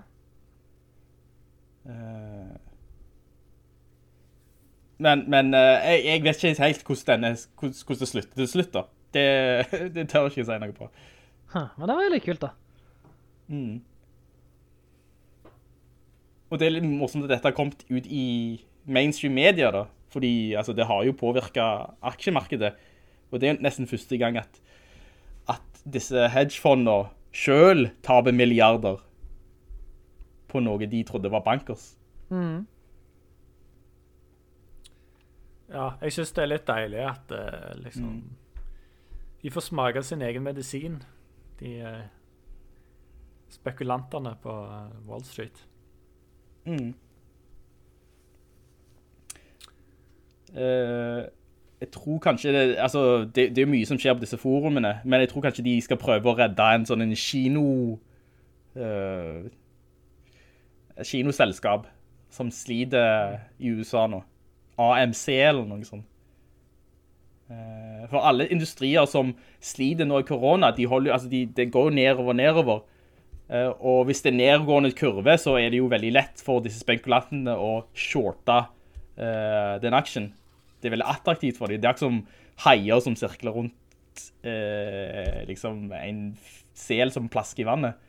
Eh, så da tror jeg kanskje at Wall Street Bet skal prøve liksom å redde en annen, et annet selskap, hvis det, de får nok folk til å gjøre det da, fordi dette er ikke mulig uten en enorm oppslutning. oppslutning. Mm.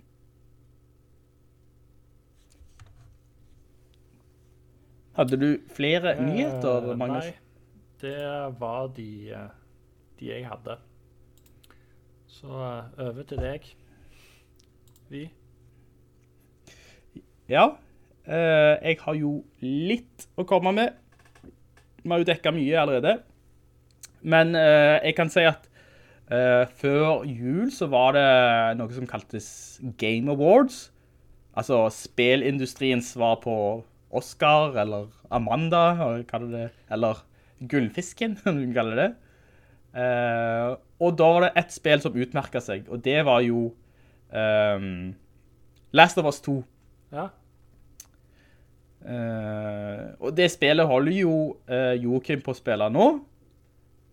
Uh, men kan du si det spillet har fått mye pepper og det har vært mye støy rundt det spillet eh, på grunn av historien og hvordan visse karakterer blir fremstilt. Eh, og når Last of Us 2 fikk så mange priser på denne på dette showet da, så gikk jo folk bananas igjen. Og, og sa liksom, dette er ikke riktig, dette er dritspill, og alt er kjøpt og betalt, og jeg protesterer, og ja, mye protester rett og slett. Fordi folk er ikke enige at det er bra skrevet, at det er bra lagt, og uh, ja, my, mye, mye ekkel stemning rett og slett. Uh, som er litt dumt. Uh, jeg er jo ikke enige i alt det støyet. Eh, Jeg skjønner noe av kritikken, men jeg skjønner ikke hvorfor folk skal lage så mye rabalder rundt det. Eh, og hvis det spillet får en del priser, så eh, ja, ja, det alltid, det trenger ikke være enige, men jeg trenger ikke liksom begynne å skjelle ut folk og kalle andre folk for idioter. det er noe med internettkulturen som gjør at folk bare går liksom det, kommer så mye negativ eh, prat rundt et emne fordi du kan være anonym. Ja. Jeg skjønner hva du mener. Da skal vi bare ta en eh, kjapp liten pause, Magnus, og så eh, kommer vi straks tilbake. It's me, Mario! Ja, da eh, skal vi fortsette med litt eh, mer eh, Nintendo-nyheter. og det var jo at plutselig så kom det eh, en nytt, et, en sånn relansering, eller et gammelt Wii U-spill skulle komme på Switchen, og det var jo Joachim heter spillet med kattene.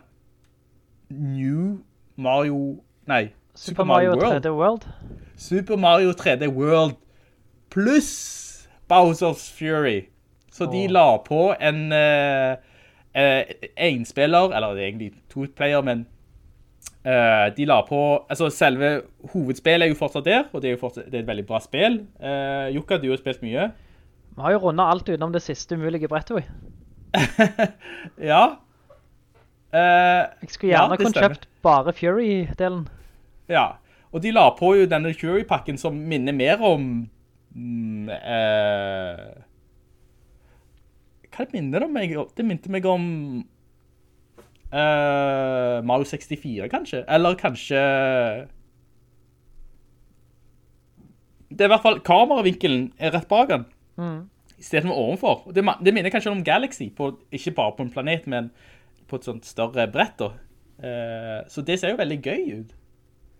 Eh, men det bare kom så plutselig, altså ingen visste at eh, det skulle komme en, en tilleggspakke til et bra spill, eh, altså New Super Mario 3D World, og så var det plutselig- denne ekstra pakken eh, der du spiller Mario, og så har du Bowser Jr. som følger etter deg med en sånn pensel eller noe sånt. Så det spillet ser jo løye ut. Men du må jo kjøpe, du kan ikke bare kjøpe Bowser Fury, som du sier, Jokka. Nei, jeg, jeg har jo rundet det, så jeg vet ikke om jeg gidder gjøre alt en gang til. Ja, Og betale Men- en gang til. Nei. nei, det er jo akkurat det. Nintendo liker jo at du betaler flere ganger for samme ting. Hmm, det gjør de. Eh, men jeg, jeg tror ikke jeg hadde det spillet på Switchen, nei, på Wii U-en min. Du har lånt av meg, tror jeg. Ja, jeg har det. Uh, så det spillet føler jeg egentlig, det er et Mario-spill jeg ikke har spilt i grunnen, men det er også fordi du ser det ovenfra, og du, du, det er på en måte ment til å være et flerspillerspill. Uh, og det er derfor jeg ikke regner det som en del av den hoved-Mario-serien. Om du kan kalle det det. Eh, så, for jeg tror jeg hadde tenkt det mer som et partyspill, eh, og derfor og at han ikke har liksom de der samme det samme oppbyggingen og historien som andre hovedspill har, kanskje. Men det, jeg tror kanskje det er bare sånn fordommer jeg har mo- mot det spillet, så det kan være at jeg kjøper det på Switchen. Det er jo et supergøy spill. Jeg har hatt det veldig mye kjekt i både 1, 2 og, og 4-player-modus på Wii U. Mhm. Eh, det er bare så forbannet at alle Wii U-spillene kommer en gang til. Jeg har jo eikt mange av de før. Ja, Men ok, det, Wii U-en solgte jo ikke, så det gir mening det fra Nintendo sin side. Mm. I stedet for å kaste gode spill. ja. Det er, forretningsmessig så gir det veldig mye mening. Um, Fanmessig også, egentlig. Ja, for det, det er jo litt synd at et så bra spill på en måte har blitt litt uh, forbigått da. Ja. Kan jeg uh, skyte inn en ting? Det er jo veldig Nintendo-move, da, å lage det samme spillet om igjen bare til en ny konsol. Altså, det er jo, det er jo greia deres, da. Sant? Super Mario, altså, ofte så bare er det jo akkurat samme spillet. Ja, ja. De, de, vet- hva de gjør.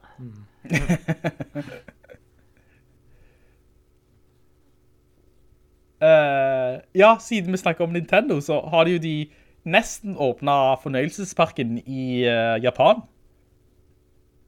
Å ja, Ja, Nintendo de, da. de, had, de, hadde, de hadde en sånn en uh, Treehouse eh, online-presentasjon, der Shigeru Miyamoto gikk rundt i deler av, altså det er jo bare en liten seksjon av Universal Studios i Tokyo, tror jeg. Eh, men hvis, når du først kommer på inn i den Nintendo-delen av fornøyelsesparken, så er alt veldig gjennomført. Eh, det var veldig fine sånne kulisser, om du kan kalle det. det du ser liksom, det, det virker som du nesten er inne i eh, ja, eh, en Mario-verden på grunn av eh, du har liksom sånne skilpadder som går rundt omkring, og så har du en sopp, og så har du sånne spørsmålstegnblokker som du kan slå på. Eh, og så tror jeg at du har sånne Mario eh, restauranter der du spiser mat som er formet som ting som er fra Mario-verden da. Oi, oi, oi. Så kanskje, kanskje vi må ta turen bort der for å oppleve det. En vakker dag. En vakker dag. Post korona. Ja. Så, men de hadde ikke åpnet den helt ennå på grunn av korona og sånn. Uh, med, og, så, så det skjønner jeg jo. Men uh, interessant at de har eh, slått seg sammen med Universal Studios og, og gått for det her etter. Jeg tror Nintendo skal prøve liksom å bevege seg litt utenfor dette med bare TV-spill. De har også lyst til å eh, ha TV-serier eller uh, animerte uh, filmer, fornøyelsesparker. Ja. Det ene og det andre. På en måte er Nintendo veldig gode til melke, men det er rart ikke de har dukt opp overalt nå i frokostblandinger, sjokolader, blader, animasjonsserier. Mm. På 90-tallet så var det jo, da var det veldig sånn. eh, Ja, det kommer ikke alt det der til Norge da, men Ja, ja, det er sant. nå er de så forsiktige. Ja, jeg tror kanskje de gikk på en smell en eller annen gang, at de tenkte, åh, det var litt farlig. Ja, gjerne. Ja, det går jo, det går jo an å selge, selge seg en gang for mye, så kanskje det Nintendo har. Jeg antar at det ikke er Nintendo som lagde frokostblandingen, de har bare lisensiert uh, karakterene, og så er det noen som har, ja, kanskje de har lagd en frokostblanding som ikke, som ikke smakte noe særlig. Ja, mye mulig. Jeg kom ikke på en sånn spesiell episode, men uh... Jo, jeg kom på faktisk, et, et, eh, det, var, det var et tilfelle der Nintendo lånte ut sine uh, karakterer til Philips sin spillmaskin, eh, CDI. ja. Uh, og der ble det jo lagt uh, noen Mario-spill og noen Zelda-spill som var helt forferdelige. Helt forferdelige. Uh, så, så da tror jeg Nintendo tenkte, ok, vi må aldri låne ut våre karakterer igjen, for de kom, det kommer bare til å ødelegge ryktet vårt. Ja. Jeg kommer også på en ting, Vi. Den Mario og Luigi-filmen Ja. som kom på, hva var det på 90-tallet? ja, stemmer, hallo! Å, det var Ja, magisk. ja, ja. Ja, hvis du ser, en iro hvis du ser på han ironisk, ja, så... Ja, eller som liten gutt så var det jo helt greit, men sånn sett Ja. i ettertid så ser jeg jo at han har... Uh...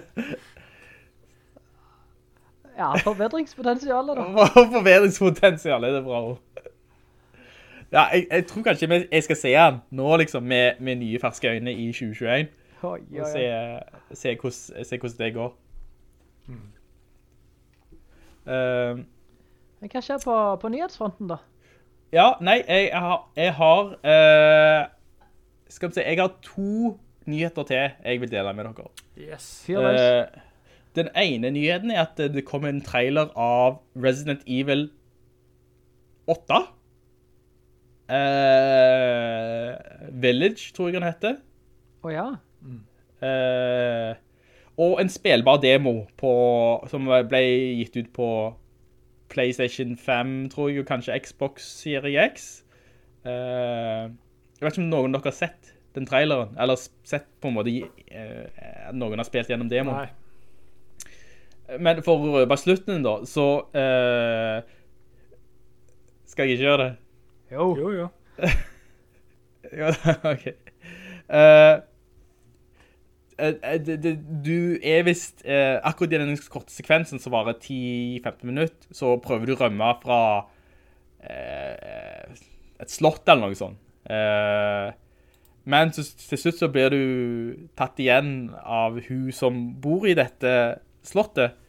Og det er jo en sånn vampyrdame som er bare veldig høy og veldig eh, sånn Hun ser liksom en kjempe.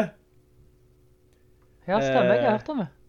Ja, men ikke sånn, hun, har, hun ser på en måte ikke snål ut. Eh, hun, har ikke liksom, hun har ikke liksom tjukke bein og armer. Det er bare en overdimensjonert dame. Ja, og litt skummel. Eh, ja, skummel, men også, folk har jo omfavnet hun her, og begynte å kalle hun for mamma, og at eh, de har lyst at hun skal sitte på dem, og, og klemme mm, hun, altså, de, de har lyst til å bli klemt mellom hennes, uh, ja, lår og pupper, og, og Dager, hva er det for noe? Så, så, så det, det har tatt helt av, rett og slett, eh, når det gjelder på en måte, denne fascinasjonen og uh, denne fantasien over hun dama her, da. Eh, som er jo litt morsomt, da. Eh, så, så uh, hun har fått uh, sånn, sånn, eh, sånn kallenavn eh, Mami Dimitrescu eller et eller annet sånt. Og jeg tror ikke Kampkom visste helt effekten dette kommer til å ha på spillere. At de eh, ønsket seg en sånn mammafigur som kunne gjøre ting med Oi, dem. oi, oi. Ja. Verden er et rart sted. Det finnes uh, mange syke folk der ute. Ja.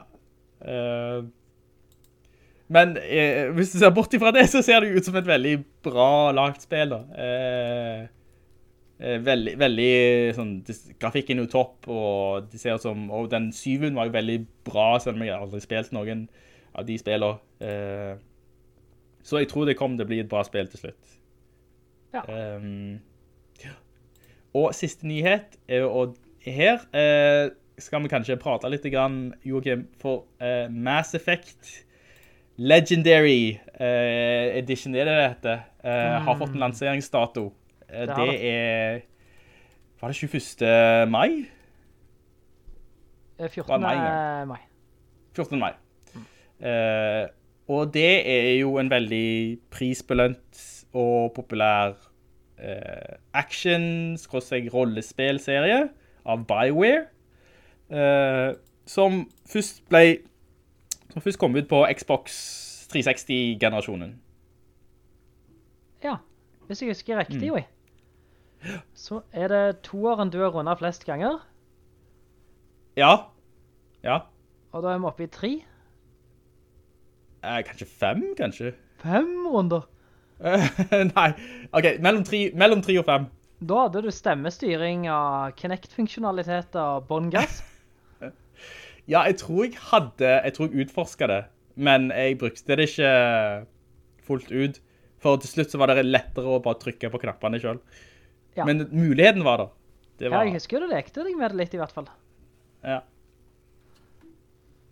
Uh, og nå kommer jo det om igjen, ja. Mm, Og, og det er litt interessant. ja, altså noen vil jo kalle det bare sånn, ja, men du melker det en død ku, eller hva det kaller, kaller det hva det vil. Eh, at eh, du burde ikke heller lagt noe nytt.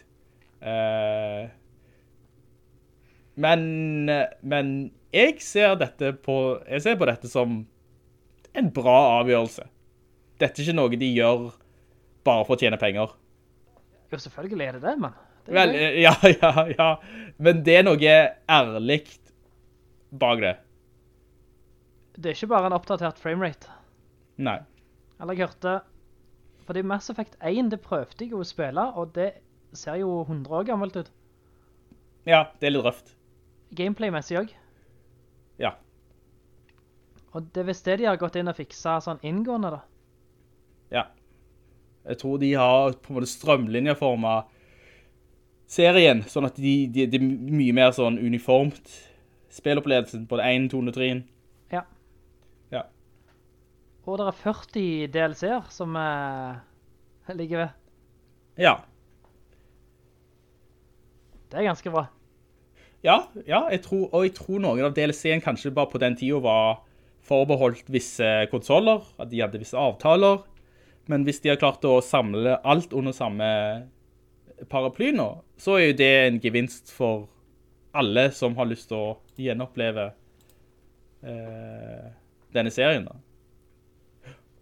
Ja, jeg vil jo gjerne oppleve den for første gang, jeg. Mm.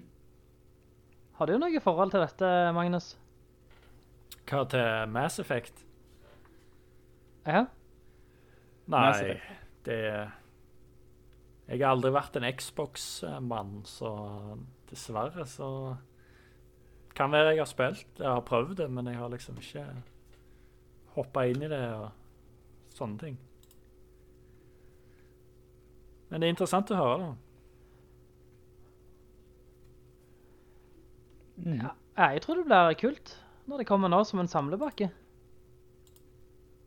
Jeg, jeg tenker dette er um, Dette er en god ting, rett og slett. Eh, altså, akkurat nå så har vi kanskje ikke så mange nye gode spill som kommer ut i år, på grunn av korona og sånn. Eh, og denne serien er så bra, faktisk, at eh, den er verdt, for meg så er det verdt å gjenoppleve det, og kjøpe den på ny. Og jeg tror for deg, Jokka, som prøvde for første gang, eh, så blir det bedre, dette, dette er den beste måten å oppleve det på, i stedet for å kjøpe gamle 360-versjonen. Ja, og jeg, jeg har ikke noe sånn sett forhold til BioWare, men jeg eh, var jo bergtatt av Dragon Age Origins, Mm, og kjøpte vel det nesten på release. ja, Jeg har ikke spilt oppfølgeren eh, noe særlig, men, men jeg likte veldig godt Origins. ja. Så jeg vet jo BioWare kan lage rollespill. Og det er veldig mye som foregår i drage-trollmannalder, så det virker jo kult også å være i skikkelig rom-epos. Mm. Det er det det er, rett og slett. Uh, for uh, denne sagaen da, som foregår over tre spill, uh, kan si at han starter veldig smått, med at du får liksom en sånn, åja, det er en fiende, og han er stygge ondingen, og du skal ta han liksom. For du, du spiller en type eh, romagent, eh, lignende altså romsheriff, om du kaller det. Ja. Og det er en stygging der. Eh, men etter, etter første spill så ser du at det er noe større som ligger bak, og på en måte dimensjonene og konsekvensene av det som foregår blir bare større og større. Eh, og til slutt, i tredje spill, så skal du jo redde universet, rett og slett. Eh, det er på en måte, det, det var vokst så veldig. Og, men de klarer å gjøre det på en bra måte, på en sånn organisk måte, at, at det føles naturlig, naturlig progresjon over, over tre spill da. Ja. Eh, så de spillene henger veldig bra sammen, og de skal gjøre det sånn at det, eh, valg og valg du tar i enen, eh, på en måte føres videre i toen og i treen, og den karakteren du bygger i enen kan du også fortsette med hvis du vil inn i toen og treen. Men jeg trodde litt av kritikken mot treen, og avrundingen spesielt, er jo at alt det du hele veien trodde eh, gjorde ringvirkninger, Ja, ikke gjorde det. ja der, der, der, der har du på en måte problemet uh, med at uh, Slutten blir slutten, samme hva det gjør. slutt, ja, på en måte alt som leder opp mot slutten er bra. Uh, for for de, de har fått det til å ha, ting du gjør har konsekvenser før slutten. ja. Folk du snakker med, folk du har reddet, skråstrek ikke reddet, eh, valg du har tatt politisk, det har konsekvenser. Eh, sånn sett så er det bra, sant? Det er bare, de klarte ikke å lande slutten. Det er der de feilet. Men det er på grunn, jeg tror kanskje det ble for mange tråder å samle til slutt. Og til slutt, ja, du lander, til slutt så ble det bare enten slutt 1, 2 eller 3. Og folk var ikke fornøyde med det. Nei. Eh, men, men jeg håper jo at du, du kan kose deg med spillet, selv om du vet dette. Ja da, nå vet jeg at slutten kommer til å bli litt antiklimaks. Ja. Ja, da, du får administrere backloggen min, sånn at jeg er i mål i tide. uh, ja. Uh, du har jo noen måneder på deg for å fullføre Jeg tror det er syv, åtte Eller har du syv spill nå, kanskje? i, på lista di. Jeg trenger ikke det alle da, men noen av dem må Nei, jeg nei, nei, nei, ja. Men, men det, det var på en måte min, min uh, siste nyhet. Uh, jeg vet ikke om du hadde mer å spørre om akkurat når det gjaldt Mass Effect, Jukka? Neida, vi tar en spesialepisode på det, tenker jeg. Ja. ja, det kan vi gjøre, når, når det nærmer seg lansering. Ja. Uh, men siden vi snakket om den lista du, Jukka, så kan vi runde av episoden med å snakke om nyttårsforsett. Ja, det må vi gjøre. for, for, for ett år siden så spilte vi en episode, og så snakket vi om hva vi håpte vi skulle gjøre i 2020, og altså hva type nyttårsforsett vi hadde. Eh, og da snakket jeg og Jukka eh, om dette på lufta, og du, Magnus, du hadde et innslag på Facebook. Ja, stemmer det. Eh, det var da jeg Det var da det med Ja. Ja, det var da jeg kommenterte at jeg hadde kjøpt uh, Ratchet Clank, rema- remaken av PlayStation 2-spillet til PlayStation 4. Og at jeg skulle spille det. Ja, Ja, ja jeg har, uh, har spilt igjennom det. så bra. Men uh, jeg har ikke klart alle sånn alle achievements og sånn, da. Sånn På spillet, da. Mm. Men jeg har kommet igjennom selve spillet. Det har jeg. Det er. Da, da, da satte du, du satte deg en mål for 2020, og du fikk eh, gjennomført eh, det målet. Ja, jeg, jeg fikk det. Men eh, Det er bra jobba. jo, jo, takk. Men eh, har dere noen, hadde dere noen nyttårsforsett for 2020, da? Ja, vi har jo hørt igjennom, så han eh, skal snart fortelle meg hva mål jeg hadde.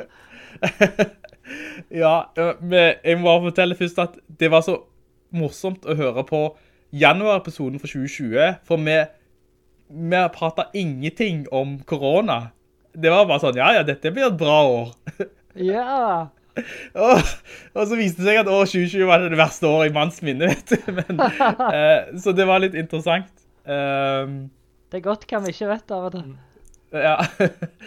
Men du, Jukka, du, du sa at i 2020 så skulle du fullføre spill. Du, ikke bli, du skulle ikke bli distrahert. Eh, og så du skulle liksom, hvis du først starter på spill, så skulle du ha eh, stålfokus på akkurat det spillet. Ikke ta mange pauser, for da datt du ut av det. Eh, så målet ditt var jo å, å ha mer fokus på ett spill om gangen. Det er 2021 vi snakker om nå, sant? Eh, Eh, Korona kom jo, så jeg måtte flytte litt på det forsettet. Ja. Eh, så du, du tenker at det blir et, et nytt eh, forsett eh, for 2021? Egentlig. Jeg har ikke holdt meg til det i 2020. Mhm. Og det var først på tampen med, jeg fikk denne geniale løsningen med å la deg bare være daglig leder i geskjeften min. Jeg vet hva Ja. jeg skal spille. For, for det, det tenkte jeg var veldig bra initiativ. Eh, for nå styrer jeg hva spill Jukka skal spille. Ja. Eh, ikke, ikke fra dag til dag, men akkurat nå så spiller du Last of Us. I teorien så Eh. gjør jeg det. Ja. Og så eh, skal han, jeg, så skal jeg få bestemme hva det neste spillet han skal spille da. Eh, og jeg ser på listen nå at du har 1, 2, 3, 4, 5, 6, 7, 8 spill. Og jeg vet jo ikke hva som er det neste, det er litt fint. Mm, For ellers nyter jeg ikke spill jeg har, for jeg gleder meg til neste og neste. ja. Og det er en blanding av eh, lange spill og korte spill, og spill på Switchen, og Wii U-en, og 3DS'en, og ja, Altså, du må gi meg en fornuftig rekkefølge der. Jeg må ikke ta alle de lange på rad. Nei, nei, nei, dette er gjennomtenkt. Dette er gjennomtenkt veldig bra. Ja. Pedagogisk tilrettelagt. Vi har en eh, masterplan. For det handler jo om uh, å sette seg mål som er på en måte både kortsiktige og langsiktig, og, og, og kunne gjennomføre og, komme i mål da. Og hvis det er bare disse lange, store målene, så, så er ikke det veldig eh, motiverende. Nei.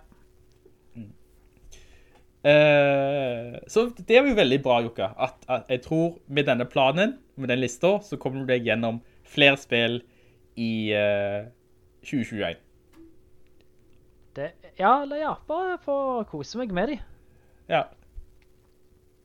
Eh, Hadde jeg andre forsett? du hadde et annet forsett som var veldig interessant, og det var at du ville utvide horisonten din i, i, i 2020 ved å la lytterne anbefale deg spill som muligens var utfor din sjanger. Eh, Det var jo helt genialt. Uh, nå fikk ikke du så mange anbefalinger, dessverre. Uh, men du har jo kommet med en løsning der selv ved hjelp av eh, skit eller kanel. Ja, det har vært mye skit. uh, jeg vet ikke om du kjenner til konseptet, Magnus? Nei, uh, fortell. Vi anbefaler et billigspill til under 50 kroner. Og ikke sånne... Det har jo vært noen sånne spill som har vært 50 kroner fordi de er på salg. Mm. Men ideen var å finne litt sånn spill vi ikke har hørt om, og bare ta det fordi at eh, bildet eller titelen ser kul ut. Ja, kult. Ja. Uh, og, og skit og kanel ser jo likt ut på avstand, men uh, arter seg, fremtoner seg uh, på litt ulikt vis når det kommer nærmere da. Uh, så da skulle vi oppdage litt nye ting, men det er vel noen runder siden vi har gjort det. Ja, jeg, jeg eh, tror jeg ga litt opp på det mitt siste spill, eh, som var... Ja, for jeg ga deg dine spill, og du ga meg mine. Ja. Eh, jeg Don't husker Starve? jeg hadde... Don't Starve var en av de i hvert fall. Eh, men det er jo sånn type sånn roguelite, eh, som gjør at når du dør så starter du forfra. Ja. Og jeg hater sånne spill. Ja, det var litt dårlig, men, men det var jo i tråd med konseptet da. Ja, altså på en måte, jeg fant, jeg, jeg hater ikke, jeg visste ikke at jeg hatet det, jeg fant det ut underveis, Ja, men da... så da har jeg lært noe. Ja, men det er bra. Hva, forsett hadde du da? Jeg, eh, vet du hva, jeg skulle runde Final Fantasy 7, Altså, i, i old school-utgaven. Uh, ja, stemmer.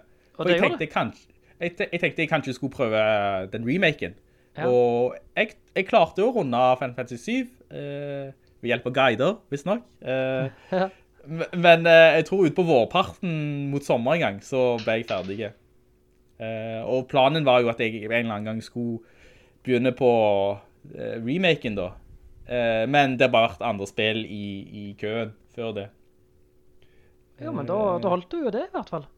Ja, og så, og så hadde jeg andre spill som jeg var interessert i å prøve, eh, som hadde, var, hadde vært veldig populære i året som var. Og det var eh, Jedi Fallen Order, eh, så den fikk jeg spilt. Eh, Control, den holder jeg jo, den er neste spill på køen nå. Ja. Eh, og så snakket vi om Days Gone. Ja, Og det spillet har jo du eh, så glad på. ja, ja men det, det er jo nok av spill. Ja. Eh, Men det er litt morsomt at de spillene vi så frem til, eller vi tenkte at vi skulle spille i 2020, at eh, vi fikk jo sett eh, på mange av de, og de er fortsatt aktuelle å spille. Ja. Men skal vi lage noen nye forsett for 21 da? Det kan vi. Så får vi se hvordan, hvordan stua er om, om et år. Ja, det er jo kjekt å ta en evaluering. Eh, Har du noen klar, eh, Magnus? Altså, tenker du sånn spill eh, for sett, eller tenker du sånn generelt? Nei, bare spill. Ja, da, da, da må det jo bli at jeg skal fullføre Eller faktisk komme i gang med Assassin's Creed Valhalla. Det, det må jeg få gang på. Jeg må bare se om jeg hørte deg riktig nå. Eh, sa du Ja, jeg, sa- altså, jeg har jo ikke starta, egentlig. Nei, ja. men målet er å, å komme gjennom det. Nice, det er et heftig mål. Ja, hva Eller heftig, det er jo fullt mulig det. jeg, Altså, gaper jeg over for mye her nå? jeg, tror, jeg tror det skal være gjennomførbart. Ja, ja, ja. Eh, Det heter Assassin's Creed Valhalla. Mm. Vi snakker om 53 timer på How Long To Beat for main story. Oi, det er lenger enn jeg forventet. Uh, 86 hvis du tar ekstra, og 130 hvis du er completionist. Så det er nesten dobbelt så langt som Assassin's ja, Creed Origins. Da kan vi jo si at eh, jo. Å fullføre blir kanskje å ta litt hardt i, men at jeg i hvert fall skal gi det en sjanse og liksom spille det, eh, det må jo bli et mål for Mm. 2020 2020 2021. Ja. Ja. Uh, Magnus, er du... uh, hvor keen er du på en PlayStation 5? Altså, tenker du å kjøpe det i, i, i år? Så Det er ikke noe jeg må ha nå, liksom. Det er ikke sånn jeg betaler 30 000 for det, liksom. Men uh, hvis uh, prisene Hvis det blir uh, Hvis prisene synker, og det blir tilgjengelig, så skal jeg ikke se bort fra at jeg kjøper det i løpet av året. Ja, hvis det er Ja. til veiledende pris, da. Faen, han kommer jo tidsnok. Plutselig så er han der. Ja, jeg tror, jeg tror i løpet av året så kommer han nok til å være tilgjengelig i butikken. Håper jeg. Ja, det tror jeg òg. Famous last words.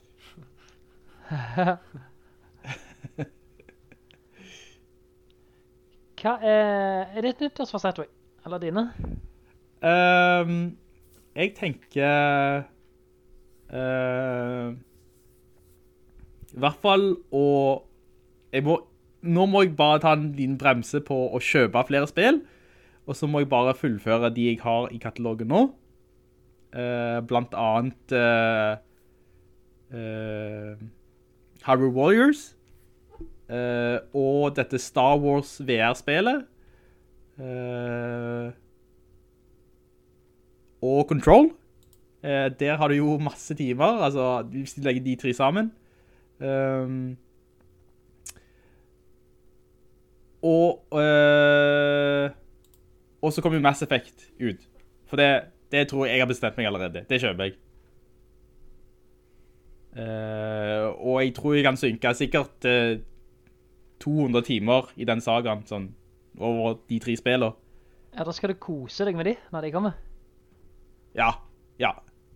Uh, ja, det skal jeg faktisk. Eh, Så eh, jeg tror kanskje det blir liksom hovedfokuset i, i år. Eh, det blir Mass Effect. Eh, jeg vet ikke om det er noen andre spill som jeg kommer på sånn øyeblikkelig som jeg tenker er bankers eh, for meg nå.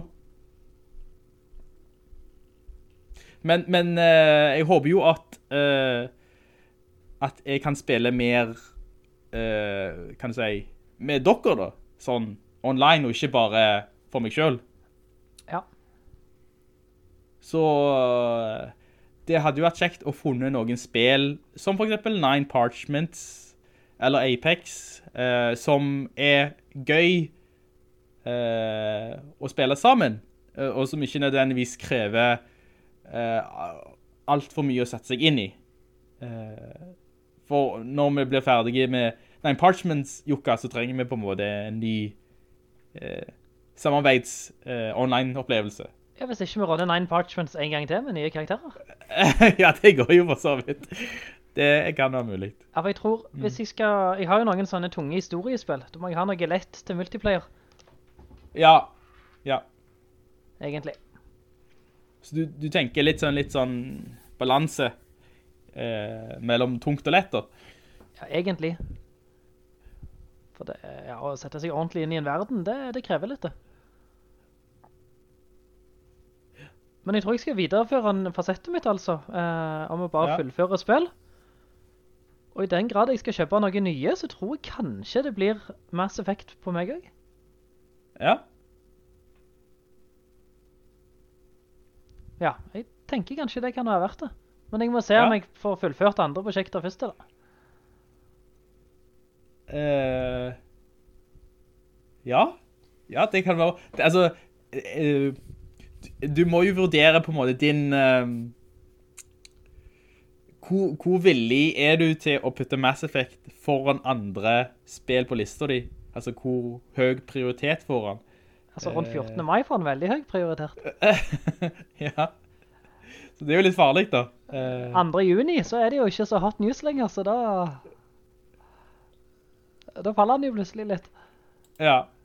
Men jeg, jeg kjenner jeg har gått litt glipp av noe med Mass Effect, så jeg har veldig lyst til å gi det en, en real sjans da. Mm. Nei, jeg... eh, hvis du er interessert, Jukka, så... eh, så kan vi på en måte ha en eh, parallell progresjon, da. Eh, at vi i hvert fall starter samtidig. Ja. Eh, og så kan vi se liksom hvordan... eh, jeg, jeg føler at jeg ikke trenger å rushe meg gjennom det. Så vi kan jo se om liksom, vi fullfører del 1 sånn noenlunde samtidig, eller hvor lang tid det tar da. Ja, da må du ha litt Apex uh, ved siden av. Ja, jeg har masse Apex ved siden av det. Du trenger ikke bekymre deg på det. Nei, det er bra. Men jeg tror jeg skal spille det på PC da, hvis jeg får en maskin opp å gå Ja. Ja. innen den tid. Så tror jeg det kan bli kult. Uh, en ting som folk klagde på, på før i tiden var at du, du, du, du fikk ikke spille Mass Effect på PC med en håndkontroll. Du måtte bruke keyboard og mus. Åh, Uh, men det har du fikset nå da. Uh, så har du faktisk, nå har du for så vidt valget. Jeg vet ikke om du tenker å spille PC med en håndkontroll eller med mus. Hvis mulig skulle jeg jo spilt med min Switch Pro-kontroller, men jeg aner ikke om det drar det litt langt. Hmm. Men det har jo akkurat samme knappoppsettet som en DualShock, Ja. bare han er litt deiligere. Ja. Men mus og tastatur kan funke bra dag. Ja. Ja. Vi får se. Vi får se. Men hvis jeg rekker på tampen da, så har jeg et spørsmål til Magnus. Kjør, kjør. Ja. Eh, Apropos mitt gamle eh, forsett om å trå ukjent farvann. Um, jeg, jeg, er- jeg er i besittelse av, av følgende spill. Ja. Yep. ja. Det er altså fjorårets utgave av eh, FIFA. Uh, men jeg har aldri lært meg å spille FIFA. Så vil du at jeg skal gi gi deg en kjapp gjennomgang av knappene? Ja, eller, ja, egentlig, altså sånn, er det mulig å gjøre meg bedre i FIFA over noen kvelder? det er fullt mulig. Øving gjør mester. Jeg er jo ikke villig til å investere veldig mye av livet mitt. Men hvis vi kan finne enkleste veien til Rom, bare sånn at jeg merker progresjon fra faen, hvorfor får jeg aldri tag i den jævla ballen? Og hvorfor mister jeg den alltid selv? Til nå har jeg faktisk en sjans eh, mot dataen på Easy, så beklager fransken min, men da hadde jeg vært veldig glad. Ja. Ja, det handler jo bare om øving. Det handler jo om det. Men du har spilt FIFA i en årrekke, eller? Ja, første FIFA jeg spilte var um, FIFA 96 på um, sånn uh, Det var Nintendo. Og så, men til PC så var det FIFA 99 og 98 som var det sånn skikkelig første. Så jeg har Var FIFA til Nintendo allerede den tiden? Ja, jeg mener at det var en Nintendo-maskin. jeg, jeg, jeg skal ikke helt si sikkert at det var FIFA, da, men det var et fotballspill. Ja. Og så hadde jeg òg et fotballspill til Nesen, da. Men eh, ja. Så jeg har i hvert fall spilt eh, Fifa i eh, 20 år, over 20 år, så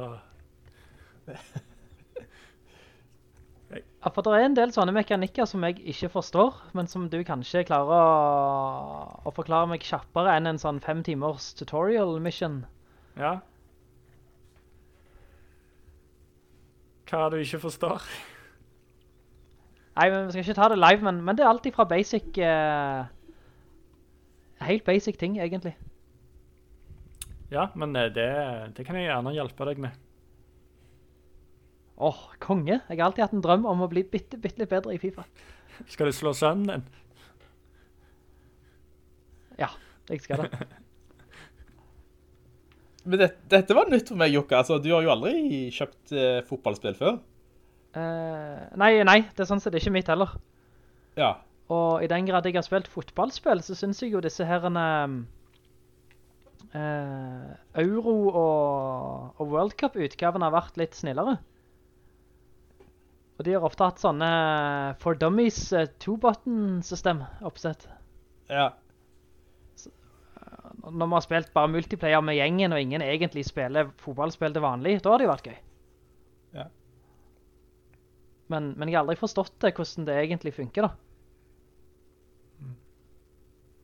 Så det, det tenker jeg kunne vært kult, siden hvis jeg kjenner en som faktisk kan det. Ja. Men, men skal dere spille online sammen, eller hvordan skal dette fungere? Har du FIFA 20 på, på PS4? Eh, det har jeg. Så da kan vi teknisk sett spille det online? Det kan vi. Åh, nice. Ja, men da skal vi finne en tid i, eh, i nær fremtid. Men det ble jo, det ble jo litt sånn uh, nytt for meg også, siden jeg, jeg jo, spiller jo FIFA 21. Så det ble jo å gå tilbake litt sånn til det gamle. Hvordan var det forrige? Er det veldig annerledes? Nei, det er ikke så mye annerledes. Det, det, det er alltid et par nye ting, men eh, ho hoved... eh, de største forandringene er jo eh, spilleren, altså spillernavn og liksom hvem, hvem som har gått til den klubben og sånne ting. Ja, ok. Men det... Vi må holde oss til den utgaven der Liverpool er gode. Ja. Nei, så bra. Ja, men det gleder jeg meg til. Det, det blir kult. Og så skal vi invitere Wii, og så skal jeg grisebanke han. Ja, det hadde du sikkert gjort allerede i dag, Jokka, så det var ikke så mye utfordring der akkurat. Ja, men jeg spilte jo FIFA litt eh, i mine yngre dager med Dang og Hai da, på... Jeg vet ikke hva maskin det var, det var ikke sånn, Xbox 360. Eh, men da var det liksom annet hvert år så var det enten Pro Evo eller så var det FIFA, avhengig Ja. av hva, som- hva som fikk best kritikk. Eh, ja. Men uh, jeg er jo ikke noe god. Nei, jeg, jeg, jeg er ikke så, jeg er jo lite interessert i fotball, som dere vet. Så, Til og med ikke TV-spill klarte å lokke deg over til det grønne gresset. nei. Det, altså, jeg, jeg- prøvde jo meg på eh, Mario Strikers, men det er jo mer arkadespill da. Eh, Ja, det er noe annet. Ja, det er noe annet. Nei, konge. Jeg... Eh, øynene mine begynner å gå i kryss. Ja, jeg tror det er et bra tidspunkt å runde av på. Ja. Da sier vi takk for i dag, kjære lyttere. Gjør vi ikke det? Det gjør vi. Yes. Uh, ja, takk for i dag. Takk for meg. Takk for i dag.